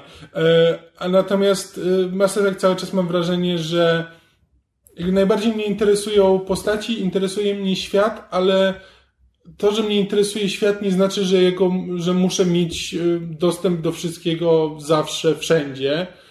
E, I jakby ta, e, ta struktura, gdzie po prostu dostaję, dostaję planetę i teraz sobie chodzę od miejsca do miejsca i wykonuję poszczególne questy, jakby sprawia, że po prostu chyba powstało tylko po to, żeby ułatwić robotę programistom, bo zamiast tworzyć e, interesujące lokacje, w których się będą odbywały kolejne misje, to po prostu robisz jedną lokację i umieszczasz w niej różne misje. Ja chciałem zrobić taki disclaimer, bo y, jakby niezależnie od tego, co powiem, to w, przedwczoraj spędziłem czas do 6 rano grając w Mass Effecta i to jest taka dziwna miłość. Ja uwielbiam tę grę. Jakby, y, jeżeli, pewnie jeżeli ktoś grał w poprzedniej części, to tą też gra. I jestem absolutnie zakochany w tej grze. Ja będę o niej bardzo dużo narzekał, ale jest, E, i- bawię ja- się ja cudownie. samo. Po prostu to jest To jest trochę jak... Ja mam takie odczucia, trochę przy oglądaniu y, jakiegoś takiego bardzo długo idącego serialu, że wiesz, że to nie jest dobre, ale ta, tak bardzo ci na tym zależy, że czekasz na ten kolejny odcinek z wypiekami. Nie wiem, oglądanie telenoweli jakieś, coś takiego, gdzieś, gdzieś w tym ten. A teraz wracajmy do narzekania. E, otwarty świat w tej grze wygląda tak, że e, kojarzycie jak e, coś, czego ja bardzo nienawidzę, jak gry wyścigowe przeszły od takiego, hej, kolejny wyścig, kolejny wyścig, do, tego, do czegoś takiego, że mają otwarty świat, który służy tylko do tego, że jeździsz po mieście z punktu startowego jednej, jednego wyścigu do punktu startowego drugiego wyścigu. Nie wiem, czy jesteście into gry. e, E, Znaczy tak, no Bernard Tak, Paradise dobra. tak, tak na przykład. i to było idiotyczne, bo to jeżdżenie po mieście nie miało żadnego celu, tylko ja bym chciał wybrać w menu, hej, chcę kolejny wyścig. Ja nie potrzebujesz mieć interaktywnego ekranu ładowania. Tak, co było o tyle właśnie na przykład w Bernard Paradise było wyjątkowo wkurzające, bo tam jak y, ci nie wyszedł wyścig, że na przykład wypadłeś z trasy, to żeby zacząć ten wyścig od nowa, no to nie było opcji y, okej, restartuj wyścig, tylko musiałeś wtedy wrócić do miejsca startu tego wyścigu, aktywować go jeszcze raz i wtedy spróbować ponownie. I w Mass Effectie troszkę tak jest. To znaczy mam mapę, mam yy, misję na tej mapie gdzieś tam, ale de facto otwarty świat polega na tym, że jeżdżę po tej planszy z, od punktu do punktu, po drodze nie spotykając niczego ciekawego, poza jakimiś randomowymi bandami ketów, czy jak tam się nazywają i i rzadko kiedy. Nie, mam czego, nie masz czegoś takiego jak w otwartym, w otwartym świecie fajne jest to, jak przechodząc między tym punktem a tym punktem, bo to jakby do tego się zawsze sprowadza otwarty świat, mogę trafić na coś, co jest ciekawe. I tak było na przykład w Wiedźminie e, trzecim. To było tak, że można było jadąc pod tym traktem w jakimś tam celu nagle natrafiasz na coś ciekawego i zaczyna się questline, który prowadzi potem do jakiegoś ogromnego, w ogóle ogromnej historii. Tu nie ma czegoś takiego. Tu, tu nie zdarza się tak, że trafiasz na coś i to nagle ci. Albo na wiesz, przykład y, fajnie by było, bo jak przylatu, jak jeździsz po tej, y, po tej mapie i na przykład nadlatuje statek ketów i z tego statku wy, wyskakuje kilku przeciwników i musisz z nimi powalczyć. Co by było fajne, gdyby ten statek ketów mógł przylecieć w dowolne miejsce i po prostu nagle ci y, komplikuje misję, bo jesteś w trakcie wykonywania misji, a nagle nadlatują ci ketowie, y, bo walczysz, walczysz powiedzmy z, kupą, z kupą robotów w jakimś tam y, z, przed kryptą, które tam s- są na mapie, a nagle jeszcze ci do tego nadlatują ketowie w połowie walki i musisz się sobie z tym jakoś poradzić. Ale nie, bo ci ketowie zawsze lądują w tych samych Tak, miejscach. Jest kilka wyznaczonych miejsc, w których ci ketowie mogą wylądować. I możesz je zatrzymać się, zabić ich, dostać 20 punktów pedeków, albo możesz po prostu przejechać dalej, ignorując to, że obok Tak. ląduje statek obcych i jakby nie ma to absolutnie żadnego I to, znaczenia. i to jakby nie, ma wprowadza niczego nic ciekawego do gry w tym momencie. E, przy, I nie, nie ułatwia sprawy to, że mapa w tej grze jest absolutnie koszmarna i nawigacja w ogóle i y, ja nie wiem, gdzie to jest, absolutnie. Często jest tak, że je- jest pełno błędów w ogóle w tym, bo y, nawigacja wygląda tak, że masz mapę, do której, żeby się dostać, musisz kliknąć dwa razy na padzie, co jest już mapa, z której chcesz często korzystać, powinna być, nie wiem, pod jednym tapnięciem, powinna mieć dedykowany klawisz. Nie. Tu musisz wejść do menu gry, wybrać mapę. I na tej mapie zaznaczasz sobie jakieś punkty i u góry ekranu masz taki kompas, który ci pokazuje, y, ja to teraz pokazuję fizycznie, co jest niezbyt dobrą rzeczą w podcaście, ale masz taki jakby kompasik, który ci pokazuje kierunek. Tylko często jest na przykład tak, że misja ma trzy różne lokacje. Tak, I, I widzisz trzy punkty i nie masz pojęcia, do którego jechać, nie I wiesz, nie, który jest i nie możesz sobie zaznaczyć tego punktu, do którego teraz chcesz pojechać, więc ja, żeby to rozwiązać, to ja muszę zaznaczyć, ok, zaznaczyć tą misję i tak dobrze, że przynajmniej jak oglądasz mapę i masz punkt na mapie, to jakby widzisz, że w tym miejscu jest jakaś misja, jeśli klikniesz na ten punkt, to on ci po prostu zaznacza tą misję do śledzenia. E, tylko, że jakby nie możesz wybrać, że jeśli misja ma trzy różne punkty, w których się toczy, to nie możesz wybrać jednego z tych punktów, więc ja muszę jeszcze znacznik na mapie ustawiać gdzieś obok tego punktu, żeby wiedzieć, że tam muszę pojechać. Zdarzają się też takie rzeczy, że na przykład jest misja polegająca na odwiedzeniu trzech różnych lokacji. To, swoją drogą to jest absurdalna misja, bo to polega na tym, że są trzy tajne skrytki, w których ruch oporu y, za, chowa leki na wypadek, gdyby ktoś z ruchu oporu potrzebował ich i ten ktoś z ruchu oporu sobie przychodzi, zabiera te leki. No i masz, dostajesz ładunek leków, masz umieścić je w trzech skrytkach. Absurdalne jest to, że jedna z tych skrytek jest w środku bazy ketów z jakiegoś powodu. Tam nie będą szukać. E, Ale problem polega na tym, że masz trzy punkty na mapie i jak odwiedzisz go i zostawisz tam te rzeczy, to y, on się nie odznacza w żaden sposób. Zostawiłeś tam te rzeczy i on dalej jest jako hej, zostaw tu rzeczy. Nie ma, jest sporo takich misji, nie wiem czy to jest bug, czy to jest wybór y, designowy powiedzmy, ale jakby zostaje ci ten punkt i on sobie tam wisi. A ponieważ y, ponieważ do tego ostatniego punktu, do bazy ketów, dostajesz się w ramach jakiejś tam y, innej misji, w której wchodzisz do bazy ketów, to masz cały czas te wiszące punkty i nie wiesz, który zrobiłeś, którego nie... Jest to... Plus do tego jeszcze mamy interfejs wyboru misji, które... y, To wygląda jak przeglądanie w ogóle... y, Ja, ja sobie przypomniałem, mam takie, miałem takie flashbacki, jak jeszcze korzystałem z PC-ów i y, jakbym wszedł do katalogów systemowych Windowsa gdzieś. Bo masz tam katalogi dla... In, masz katalog misję Helixa to się nazywa? Czy tak, to jest jakieś... że masz, co to po pierwsze, najpierw masz po, podzielone, że misje tam podstawowe, czy tam jakieś tam obowiązkowe, czy jak to się tam nazywa, misje dodatkowe, e, misje... e, Towarzyszy tak. i misje według lokacji. Tylko, że niektóre z misji dodatkowych są też w, w ramach lokacji. Więc nie wiesz, czy ta misja akurat jest w katalogu misje dodatkowe, czy w katalogu lokacje tam planeta jakaś tam. Tak, albo na przykład misja zaczyna się, że to jest misja Nexusa, który jest jakby tam odpowiednikiem Cytadeli z e, pierwszych Mass Effectów, czy po prostu jakby to miejsce, gdzie, które jest siedzibą e, inicjatywy Andromeda. E, I że to, jest, że to jest misja Nexusa, ale niektóre z tych misji, no nagle, że w trakcie misji się dowiadujesz, że no musisz polecieć na jakąś planetę i coś tam zrobić. A ona nadal jest w- Ale nadal jest w tych misjach Nexusa. I jakby, jakby ja pamiętam, że na tej, na tej planecie coś muszę zrobić, ale zanim sobie przypomnę, że okej, ona się zaczęła na Nexusie, więc ona jest w tym innym katalogu niż te misje, które są na tej planecie. I Zdecydowanie zbyt dużo czasu w tej grze zajmuje siedzenie i wybieranie, co chcesz zrobić i walczenie z tym interfejsem. I to, to jest... No dobra, czyli, czyli interfejs jest beznadziejny, o czym zresztą słyszałem, ale to można, to można spaczować. Jest, jest szansa, że to Znaczy, jest poprawi. jeszcze- Jak już wypuszczą trzy, trzy dodatki DLC i będą mieli czas. A, a chciałem zapytać na przykład, e, co z tymi błędami, bugami, animacjami? Ja przez długi czas nie mogłem zrozumieć jakby w czym w sumie problem, znaczy, bo owszem, są dziwne animacje. Hashtag mi działa? Tak, to, to po pierwsze, mi działa. Jakby ja nie zauważyłem takich... Wiele pierwsze- zależy od tego, jak, jak sobie postać zrobisz. Tak, bo ja mam customową Shepard, e, nie Shepardkę, e, Riderkę e, s- i e, jakby moim zdaniem jakby kwestia tego, że na przykład te, te animacje tej podstawowej Rider są dziwne, bo ona domyślnie ma bardzo szerokie usta. Więc kiedy animacja chce, żeby ona się uśmiechnęła, to nagle jej się robi uśmiech od ucha do ucha. I to po prostu robi, robi się dziwne. A kiedy mam po prostu customową, yy, customową riderkę, którą sobie zrobiłem, ma trochę węższe usta, to jakby nagle jej animacje wyglądają dosyć naturalnie. Poza tym, że ma lekki wytrzeszcz. Jakby większość Ale- postaci w tej grze ma wie, wie, yy, lekki Z wytrzeszcz. tego co porównywaliśmy, to ja wypadłem, wypadam, mój customowy rider wypada gorzej, bo u mnie się regularnie trafiają bardzo dziwne sytuacje, gdzie ktoś coś mówi, po czym mam zbliżenie na, na, na ridera i on robi taką bardzo dziwną minę, jakby ktoś. Tak, takie, Jakby nie- nagle poczuł, że ktoś pierdnął. tak, takie, takie jest, takie, tak, tak bardzo dziwnie wygląda. Tylko, że ta kwestia jest taka. To nie jest coś, co przeszkadza w grze, bo w pewnym momencie przestajesz na to zwracać uwagi. O ile to nie są takie naprawdę absurdalne sceny, gdzie, mam, gdzie po prostu zatrzymuję i robię y, screena, to nie jest coś, na co mocno zwracasz uwagę, tylko że to cały czas jest. I tych drobnych, dziwnych animacji jest tak dużo, że cały czas unosi się taka atmosfera absurdu wokół tych postaci, że tam wszyscy...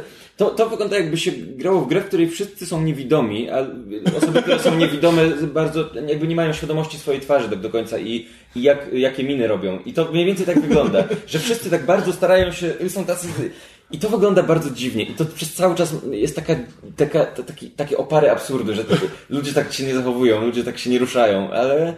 Że, I tak, i to jest, to rozumiem, że to może ludzi wkurzać, ale to jakby dla mnie nie jest, To nie jest w żaden to, co sposób nie grę, tak, nie no grę.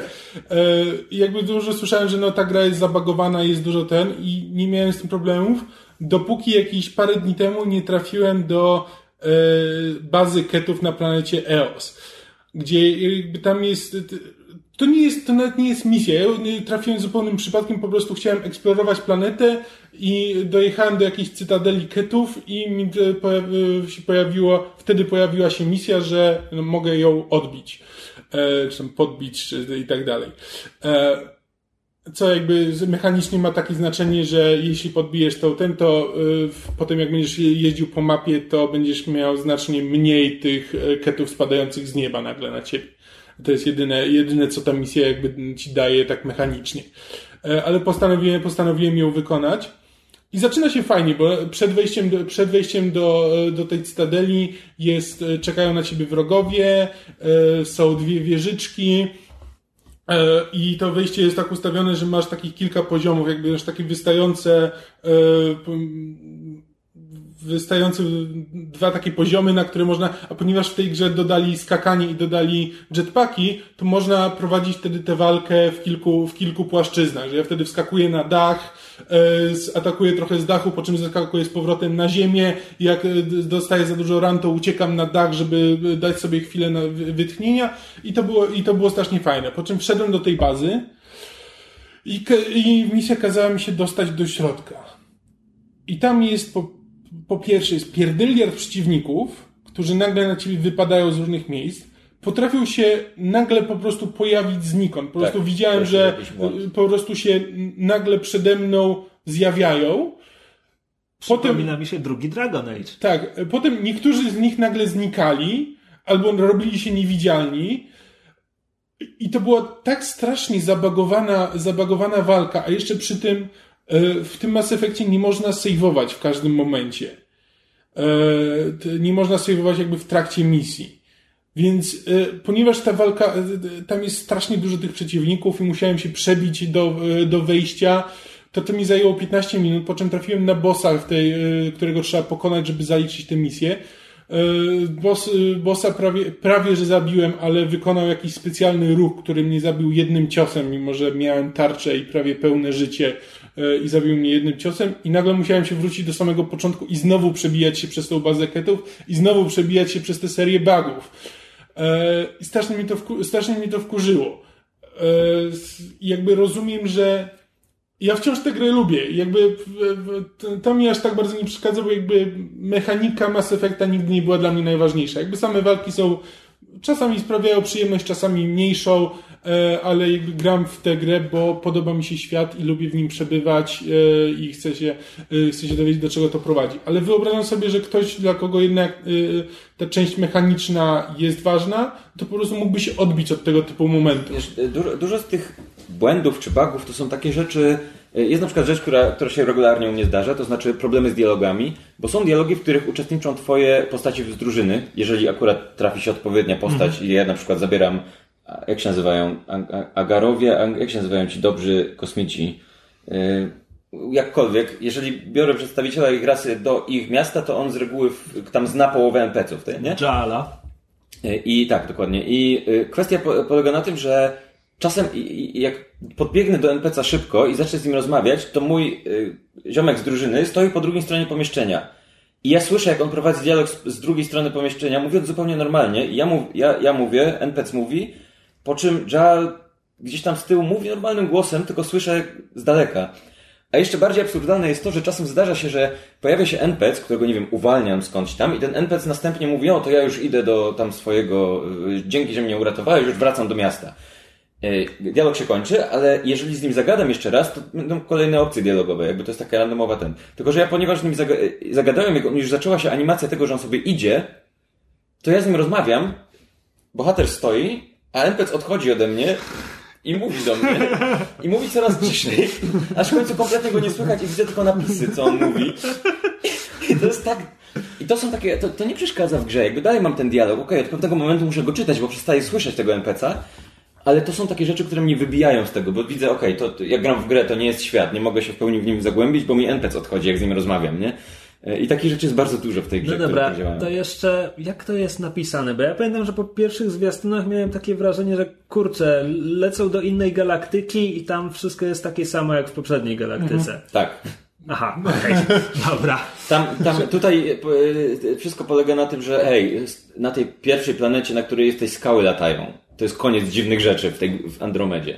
Tak, albo E, jak Andromedy. przylatujesz na tę planetę tych, tych, tej nowej rasy, które, którą dodali, no to, to, latają, to latają w powietrzu jakieś dziwne stworzenia. Tak, E, e, ale i też jakby ktoś chciał tam chyba coś zrobić, bo jak przylatujesz na tę planetę, no to jest taki moment, gdzie no, po raz pierwszy spotykasz zupełnie nową rasę. Oni cię nie znają.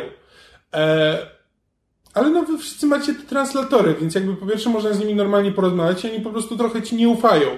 To jest trochę tak, jak, jakby to się nie różni niczym od. e, W, w, w pierwszych Mass Effectach też byś wylądował na jakiejś planecie i po prostu masz jakichś tam kolonistów, którzy nie wiedzą, czy ci mogą zaufać. Jakby nie ma w tym nic takiego, nic obcego, nic egzotycznego. A cały, na przykład egzotyzm nowej rasy y, sprowadza się trochę do tego, że wszyscy mówią z afrykańskim akcentem. Co jest, Wiesz co co, jest ja trochę tak. Te, e, Inna sprawa jest taka, i mówię tutaj... Lisa Jar Jar Binks. Mam Lisa zerowe doświadczenie, doświadczenie z Mass Effectami. E, Bardzo mi się podoba ta nowa rasa, bo oni to, to w ogóle jest rasa, która polega na tym, że mówią o swoich uczuciach otwarcie i to nie jest poziom e, śmieszny jak w e, Strażnikach Galaktyki i Draxem, z, z Draxem, tylko to jest takie coś, że oni po prostu uważają, że tak jest łatwiej nawet jeżeli boli. To, po, I oni po prostu mówi, on ci wszystko mówi wprost. Jakby mówi co myśli o tobie, mówi co myśli o każdej osobie, ale z drugiej strony jest na przykład taki moment, że w pewnym momencie pojawił się jakaś rozmowa o nie, nie pamiętam o czymś, ale a, o, choroba, o chorowaniu, o byciu chorym. E, I okazuje się, że dla nich choroba jest czymś takim bardzo wstydliwym i on nagle w ogóle, wiesz, e, nie, nie, nie, nie mówimy o takich rzeczach, no weź, przestań, nie, w ogóle chorowanie. Więc e, nie wiem na ile to było w poprzednich Mass Effectach, ale podoba mi się to zetknięcie, gdzie te kultury, jakby widzisz różnicę pomiędzy, pomiędzy tą nową obcą kulturą To znaczy- a ludźmi, ale jednocześnie jest tak, że cała egzotyka obcej galaktyki głównie sprowadza się do tego, że bohaterowie mówią, jak bardzo ojej, nigdy nie widziałem czegoś takiego. A właśnie, i to, Widziałeś to jest w każdym y, mecha- sci-fi, nie? Mechanicznie, y, bo jest element mechaniczny, który mi się podobał jakby w zamyśle, czyli, że możesz skanować y, otoczenie. Jakby masz skaner i jak zobaczysz coś nowego, to masz to zeskanować, dostajesz za to punkty, za te punkty możesz kupować ulepszenia ekwipunku później i tak dalej. E, jakby, no fajnie, że, że będziesz mógł, że latasz po nowej galaktyce i jakby jak zobaczysz coś nowego, no to otwierasz skaner i to skanujesz i e, no i z jednej strony tak, jak zobaczysz jakieś nowe stworzenie, to otwierasz skaner i je skanujesz, ale tak poza tym to większość czasu skanujesz rzeczy, na przykład jesteś w swojej kolonii, w, w laboratorium badawczym i otwierasz skaner i taką, te konsole akurat możesz zeskanować. Obok stoją trzy takie same konsole, ich nie można zeskanować, ale tę jedną konsolę możesz zeskanować. I skanujesz jakby własny, wła- własny sprzęt, który jakby ktoś gdzieś zna, jakby to nie jest, nie, nie jest w żaden sposób badawcze, że, znaczy, bo jakby tłumaczenie jest takie, że to pomaga tej twojej AI, z którą jesteś zespolony jako, jako pionier, y, właśnie dowiedzieć się więcej i zbudować bazę wiedzy w tej nowej galaktyce. Ale możesz też skanować rzeczy, które należą do ciebie, które należą do inicjatywy Skanowanie Andromeda. w ogóle jest bardzo wybiórcze, bo zdarza się, że, y, że znajdujesz jakieś rzeczy w rodzaju, wiesz, skanujesz coś i na przykład to, je, to jest y, osłona. Na przykład masz coś, co, co, wygląda jak osłona, za którą się możesz schować, no to jest y, Tak. ten i skanujesz to i hej, możesz się za tym schować, to jest twoja informacja ze skanera. A z drugiej strony czasem spotykasz rzeczy, które faktycznie jest czymś obcym, dziwnym, nie jesteś w stanie, nie ma, po prostu nie skanujesz tego, nie? Tak, i na przykład tam, że możesz jakieś tam rośliny, że na przykład masz wielkiego grzyba i no, tego wielkiego grzyba możesz zeskanować, ale gdzieś później znajdujesz jakiś ka- interesujący kawałek e, właśnie w, e, lokalnej flory, ale gra nie przewidziała tego, że można go zeskanować. Jakby Swoją drogą, nie wiem, czy, y, czy to było w poprzednich Mass Effectach, ale tutaj, żeby od, od, otworzyć starożytny zamek starożytnej cywilizacji, musisz rozwiązać sudoku. Y, A nie, tak, tego nie, nie, było. tego nie było. To jest super. Rozwiązujesz sudoku, tylko zamiast cyferek masz, masz e, s- Glify. glify. A Po, poprzednie Mass Effecty czasami się bawiły w minigierki, bodajże w dwójce była taka durna Na minigierka hakowanie. na hakowanie, gdzie trzeba było znaleźć pasujące obrazki. To, to nie było dobre. E, Widziałem wczoraj jakiś spis PC Gamer zrobił tam ranking towarzyszy z Andromedy od najgorszego do najlepszego i byłem zdziwiony, że jest tylko sześć postaci. Bo to tak... tak Że trochę Ja nie, bo ja, ja jeszcze, ja, ja, ja tak naprawdę daleko nie, jeszcze nie zaszedłem w tej grze, bo ja tam skończyłem pierwszą planetę, e, właśnie dopiero co spotkałem tą nową rasę, więc e, jakby nawet nie wiedziałem ile, ile w tej grze jest postaci tak naprawdę A, ostatecznie. Przepraszam. Nie, to jakby nie traktuję tego jako spoiler, tylko po załoga prostu nie, nie wiedziałem, że czekaj, 6 to już jest e, koniec. Raz, nie, jest. Czekaj, ale, ale się na- postaciach, które mogą ci dołączyć do drużyny, sensie możesz z nimi biegać. E, Okej, to nie, to, to być może jest Znaczy, tylko być że może, ale na statku jest więcej postaci i można z nimi rozmawiać i jakby każda z nich jest traktowana Ma swoje wątki, mają swoje misje tak też, jak nor- tak. normalnie w drugim Mass Effectie by byli traktowani po prostu tylko członkowie drużyny mieli swoje misje, to tutaj masz, Masz- załogę statku, Aha, która nie okej. dochodzi na misję, ale możesz z nim Na normalnie pewno masz dodatkowo jeszcze i budować dwoje, relacje. e, dwoje pilotów, masz na pewno masz gościa od e, te- technicznej strony statku, jakkolwiek, czyli pana inżyniera, Tak. I- geja, który próbuje cię poderwać i tak, nauczyć i, i panią doktor jeszcze. Panią doktor masz, więc przynajmniej cztery postacie, które, które są jakby na statku tylko i... Moje ulubione oburzenie w internecie, które widziałem ostatnio, to jest, że jest za mało opcji romansowych e, dla, dla graczy, którzy chcą grać gejem, bo w grze jest achievement. Jeśli ukończysz trzy wątki e, romantyczne, to dostajesz tam achievement Kasanowa czy cokolwiek. E, jeśli grasz gejem, to, to, to nie możesz. Musisz Ale się nie- przełamać i przespać się z kobietą, bo, bo są tylko dwie opcje. Ale słuchaj, jest jedna fantastyczna, jest jedna fantastyczna rzecz, bo jest y, bohater, ten, którego pierwszego poznajesz, NPC, y, z afro takim, czy coś tam, jakaś Y, Liam. Liam, który jak zaczniesz z nim, romansować jako facet, to pierwsze coś mówi, że nie, ja nie jestem into it, jakby kompletnie nie ten. Po czym dwie, dwie misje później na statku z jakiegoś, y, bez żadnego powodu zaczyna chodzić bez koszulki cały czas. Jest taki przypakowany, umięśniony i, i błyszczący. Zaczyna się od tego, że y, w ogóle on i Jal y, uznają, że będą się wymieniać wiedzą na temat swoich y, y, na temat swoich kultur, rozbierając się z jakiegoś powodu.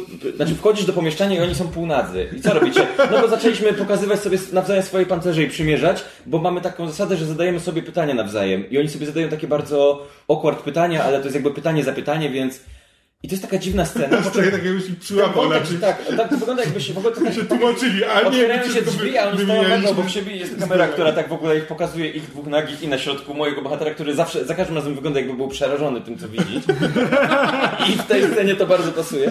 Ale ten wątek się po chwili kończy. Joel wraca do siebie, ubiera się, ale Liam, Liam czy Liam zostaje już rozebrany i chodzi tak po tym statku przez cały czas. Ale jednocześnie za każdym razem, jak próbujesz go podrywać jako facet, to on cię blokuje w ogóle, o ile można tak powiedzieć w stosunku do samego siebie. Chyba nie, ale jakby nie, ale dalej chodzi ten. Ale ma za to bardzo ciekawe misje, polegające na przykład na kopiowaniu filmów. do, do, żeby przywieźć z Nexusa filmy do, y, do biblioteczki filmowej na statku. Y, I, i przekąski, żeby zrobić wieczór filmowy. Które z tych zadań jest tak absurdalne kompletnie. Y, Ale, ale jakby już idąc w kierunku tego, co dlaczego ta gra jest fajna, to, to z jakiegoś powodu ja, mi bardzo zależy na tych postaciach. I pisanie tej gry jest o kilka poziomów gorsze niż na przykład Wiedźmin trzeci, ale jednocześnie mam, mam takie coś, że że te postacie, chociaż w dużej części wycięte z kartonu i takie dość jakby z, z dość oczywistymi wątkami i w jaki sposób na mnie działają, że ja chcę, ja, ja, ja czuję relację e, mojego bohatera z nimi, ich relacje między sobą i ja czuję, że to są prawdziwi, prawdziwe osoby i mi na nich zależy. I mimo, że Wiedźmin był na przykład lepiej pisany, albo questy były bardziej kontrowersyjne, bo tam były faktycznie wybory moralne, e, tutaj te wybory czasem są tak bardzo na siłę, że po prostu... Tu- Tutaj w- ogóle e, w tej grze pominęli, jakby już nie ma podziału na ten Paragona dobra i postać renegata. i, i renegat. E, A weź paragon, zapomniałem jak to się nazywało. E, I po prostu masz decyzje, które. Znaczy, one. Znaczy po prostu gra ci daje, masz z lewej strony jedną decyzję, z prawej strony drugą decyzję i wybieraj. I one czasami są, czasami są zupełnie iluzoryczne, e, że po prostu podejmujesz decyzję, jak odpowiesz na to pytanie, w jakim tonie, ale nie zmienia to te treści twojej odpowiedzi i tego, jak, coś, jak się potoczy dalej misja, a czasami no jakby decydujesz, co zrobić, ale nie mam, w tym momencie nie mam żadnego pojęcia, jakie to ma znaczenie. Osobną, osobną jakby taką, taką kategorią decyzji, czy też osobnym interfejsem do decyzji jest to, że jako Pathfinder y, decydujesz tym, o, o tym, jak wygląda kolonizacja. Więc jak znajdujesz miejsce na planecie, przygotowujesz ją do tego, żeby założyć tam placówkę y, inicjatywy, to decydujesz, czy to ma być na przykład placówka wojskowa, czy y, naukowa, albo na przy, y, y, decydujesz też o kolejności wybudzania y, róż, kolejnych grup, no bo najpierw trzeba załatwić sobie jedzonko, a potem decydujesz, kogo wybudzać z tych komór kryogenicznych i to, czy wypuścisz wojskowych, czy naukowców, czy... Co jest? Wojskowi, naukowcy jeszcze jakaś jedna kategoria Handlarze chyba. I, i, I handlarze. To po pierwsze daje ci skille. Ja myślałem, że to są tylko skille, bo jak wypuszczasz handlarzy, no to dostajesz tam rozszerzone możliwości handlu, jak, jak y, wojskowych, no to y, militaria się poprawiają i tak dalej, ale potem się zorientowałem, że to, co robisz, wpływa na y, to, jak reagują NPC, bo na przykład jest ktoś, kto jest odpowiedzialny za wojsko i on się irytuje na mnie, że ja nie wypuszczam wojskowych i w ogóle i założyłem placówkę naukową i, i, i tam i, i ma to jakiś wpływ na świat, to, to w jakiej kolejności to wybudzasz. Yy, Podejrzewam, że gdybym zarob, zrobił placówkę, placówkę wojskową, a nie naukową, to też pewnie miałbym inne trochę misje, albo coś by się tam zmieniło. Yy, yy, Na pewno, znaczy gra wyraźnie sugeruje, że powinno być mniej ketów w okolicy w momencie, w którym jest placówka wojskowa, bo oni ją po prostu biją. Ale czy to ma jakiś większy wpływ, że nie wiem, coś się dalej stanie fabularnie z tym, czy to tylko tak, że po prostu o, więcej statków się ląduje dookoła i nie ma to żadnego wpływu na nic więcej. Nie wiem jeszcze do końca, bo, ten, ale jakby to też jest jakiś tam element podejmowania decyzji w ramach gry. Tak, to, to jest fajne, bo rzeczywiście jakby czujesz, że masz wpływ na kształt tego świata. Właśnie, że rzeczywiście jesteś tym pionierem, który lata po tych planetach, stara się uzdatnić je do życia i sprawi, żeby żyło się tam na nich jak najłatwiej. E, I to jest fajny punkt wyjścia do tego typu RPGa i sprawia, sprawia, że rzeczywiście zależy ci wtedy na tym świecie i czujesz się jego częścią. E, I właśnie i to jest największa zaleta gry, bo jakby mimo ich wszystkich wad, to ja cały czas czuję, że, że po prostu fajnie mi się w tej grze mm, przebywa i w tym świecie, który jest stworzony w tej, e, w tej grze i chętnie poznaję, poznaję te postaci i chętnie poznaję tam kolejne planety, kolejne rzeczy, które tam gra ma do zaoferowania, nawet jeśli one nie, nie zawsze stoją na najwyższym poziomie. Tak. E, e, Też mi się tak wydaje, że głównie jakby najbardziej mnie w tej, w tej grze wkręca, wkręcają postaci. Mimo, że one jakby. To nie jest tak, że to są super napisane postaci, albo super napisane dialogi, albo super napisane zadania. Niektóre zadania są strasznie wycięte z kartonu. E, Jest dużo takiej trochę. Tak jakby trochę chcieli zrobić Wiedźmina 3, ale nie mieli jaj, żeby zrobić prawdziwe, kontrowersyjne wybory, więc dostajesz takie. Ha, patrz, zobacz, tu masz taki wybór moralny, ale on niezależnie co wybierzesz, to de facto wszystko skończy się dobrze. Więc to nie jest jakby super jakościo, jakościowe pisanie, ale jednak jest tak, że mam, mam tą moją ekipę 8 czy 9 osobową załogę, która ma jakieś relacje, niektórzy się lubią, inni mniej, zależy mi na tych postaciach i chcę poznać ich historię dalej chcę spędzać czas z tymi postaciami, nawet jeżeli bardzo dużo elementów w tej grze jest głównie takich technicznych, e, jest, jakby mógłbym na nie narzekać godzinami. Więc mógłbym godzinami albo opowiadać o e, moich przyjaciołach ze statku, albo godzinami narzekać na tę grę i, i nie wiem, która rzecz jest bardziej przeważa, ale dobrze mi się gra, więc Tak, ale po prostu zazwyczaj te błędy to jest po prostu taka anegdotka, że no, napotkałem coś takiego śmiesznego. Ale jakby to nie, nie jest jakby argumentem przeciwko e, tej grze, znaczy niekoniecznie.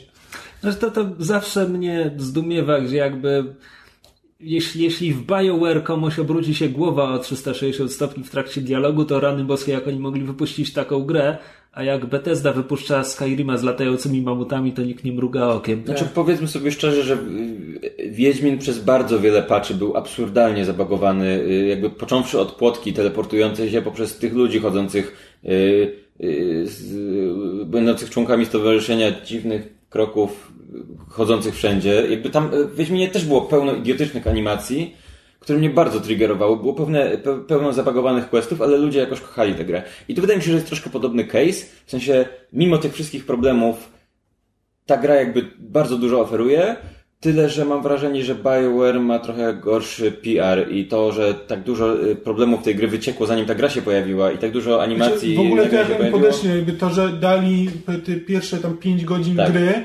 które jakby są najnudniejszymi pięcioma godzinami gry i w dodatku zabronili dziennikarzom mówić o reszcie tej gry, dopóki, nie, ona, dopóki ona nie wyjdzie. Więc jakby wszyscy narzekali na to, że tutaj jest ten, a nikt nie mógł powiedzieć, że ale słuchajcie, po tych pięciu godzinach nam naprawdę jest fajnie. Ale, Przepraszam, czy tam po pięciu godzinach jest jakiś zwrot akcji wielki, który miał pozostać tajny? Znaczy, Y, nie, Nie, nie, nie, tylko po prostu gra się otwiera, jakby na początku Tak. to po prostu wykonujesz tam parę takich podstawowych questów, chodzisz trochę po bazie, porozmawiasz z paroma osobami, pójdziesz na jakąś misję, zabijesz parę, parę Lądujesz na. Nexusie, coś tam się I stanie i tak, na tym i się tak. wykończyły te... Tak, te, a te. potem, a potem się otwiera, potem jakby właśnie dostajesz tą planetę, potem zaczynasz decydować właśnie, czy y, kogo osadzisz na tej planecie i jakby zaczynają się, zaczynają się jakieś wybory, zaczyna się ten o, jakby masz, masz możliwości wyboru, gdzie dalej polecisz, na którą planetę, kogo dalej spotkasz i tak dalej.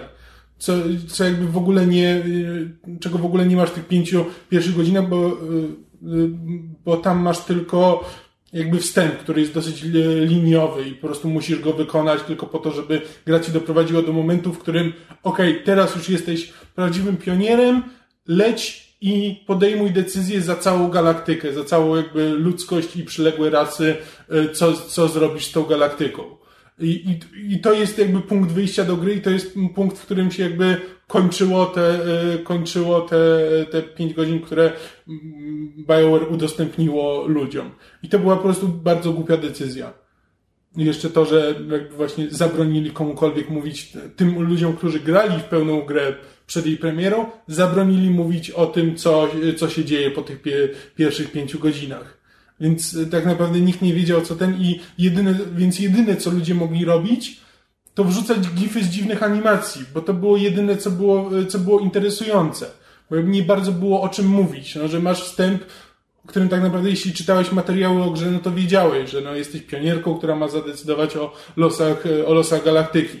I to jest to, co te pierwsze pięć godzin ci mówi, że y, i po prostu doprowadza cię do tego punktu, w którym jakby stajesz, bo zaczynasz po prostu jako tam szeregowa, znaczy szeregowa, no jesteś córką pierwszego pioniera, jakby człowieka, który jakby wymyślił tę inicjatywę. I potem dopiero musisz się stać tą osobą, która będzie dalej decydowała o jej losach. I to jest po prostu, i te pierwsze pięć godzin to jest origin story, który jest po prostu mało ciekawe. Trochę tutorial, trochę origin story, potem się gra faktycznie otwiera i to, to, wydaje mi się, że tu było dużo PR-owych problemów, począwszy Mm. od tych całych animacji, poprzez właśnie to, y, te wypuszczenie tych parę godzin. Ale dla mnie warto zagrać, więc, więc polecam. No. Więc to tyle w tym To, to tygodniu. wszystko, co mamy dla Was w tym e, rocznicowym numerze Myszmasza. A tak. Już cztery latka stuknęły. No, więc mamy nadzieję, że doceniliście ten e, specjalny odcinek, który z tej okazji przygotowaliście, przygotowaliśmy. Widzicie, gości zaprosiliśmy i w ogóle to było wszystko specjalnie na tę okazję. Cześć! Pa, pa. Żegnajcie. Hej, papa!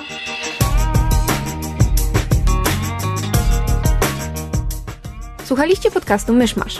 Możecie nas znaleźć na myszmasz.pl lub polubić nasz fanpage na Facebooku. Możecie nam także wysłać maila na myszmaszpodcast.gmail.com Jeśli do nas napiszecie, będziemy szczęśliwi jak Fredka z puzonem.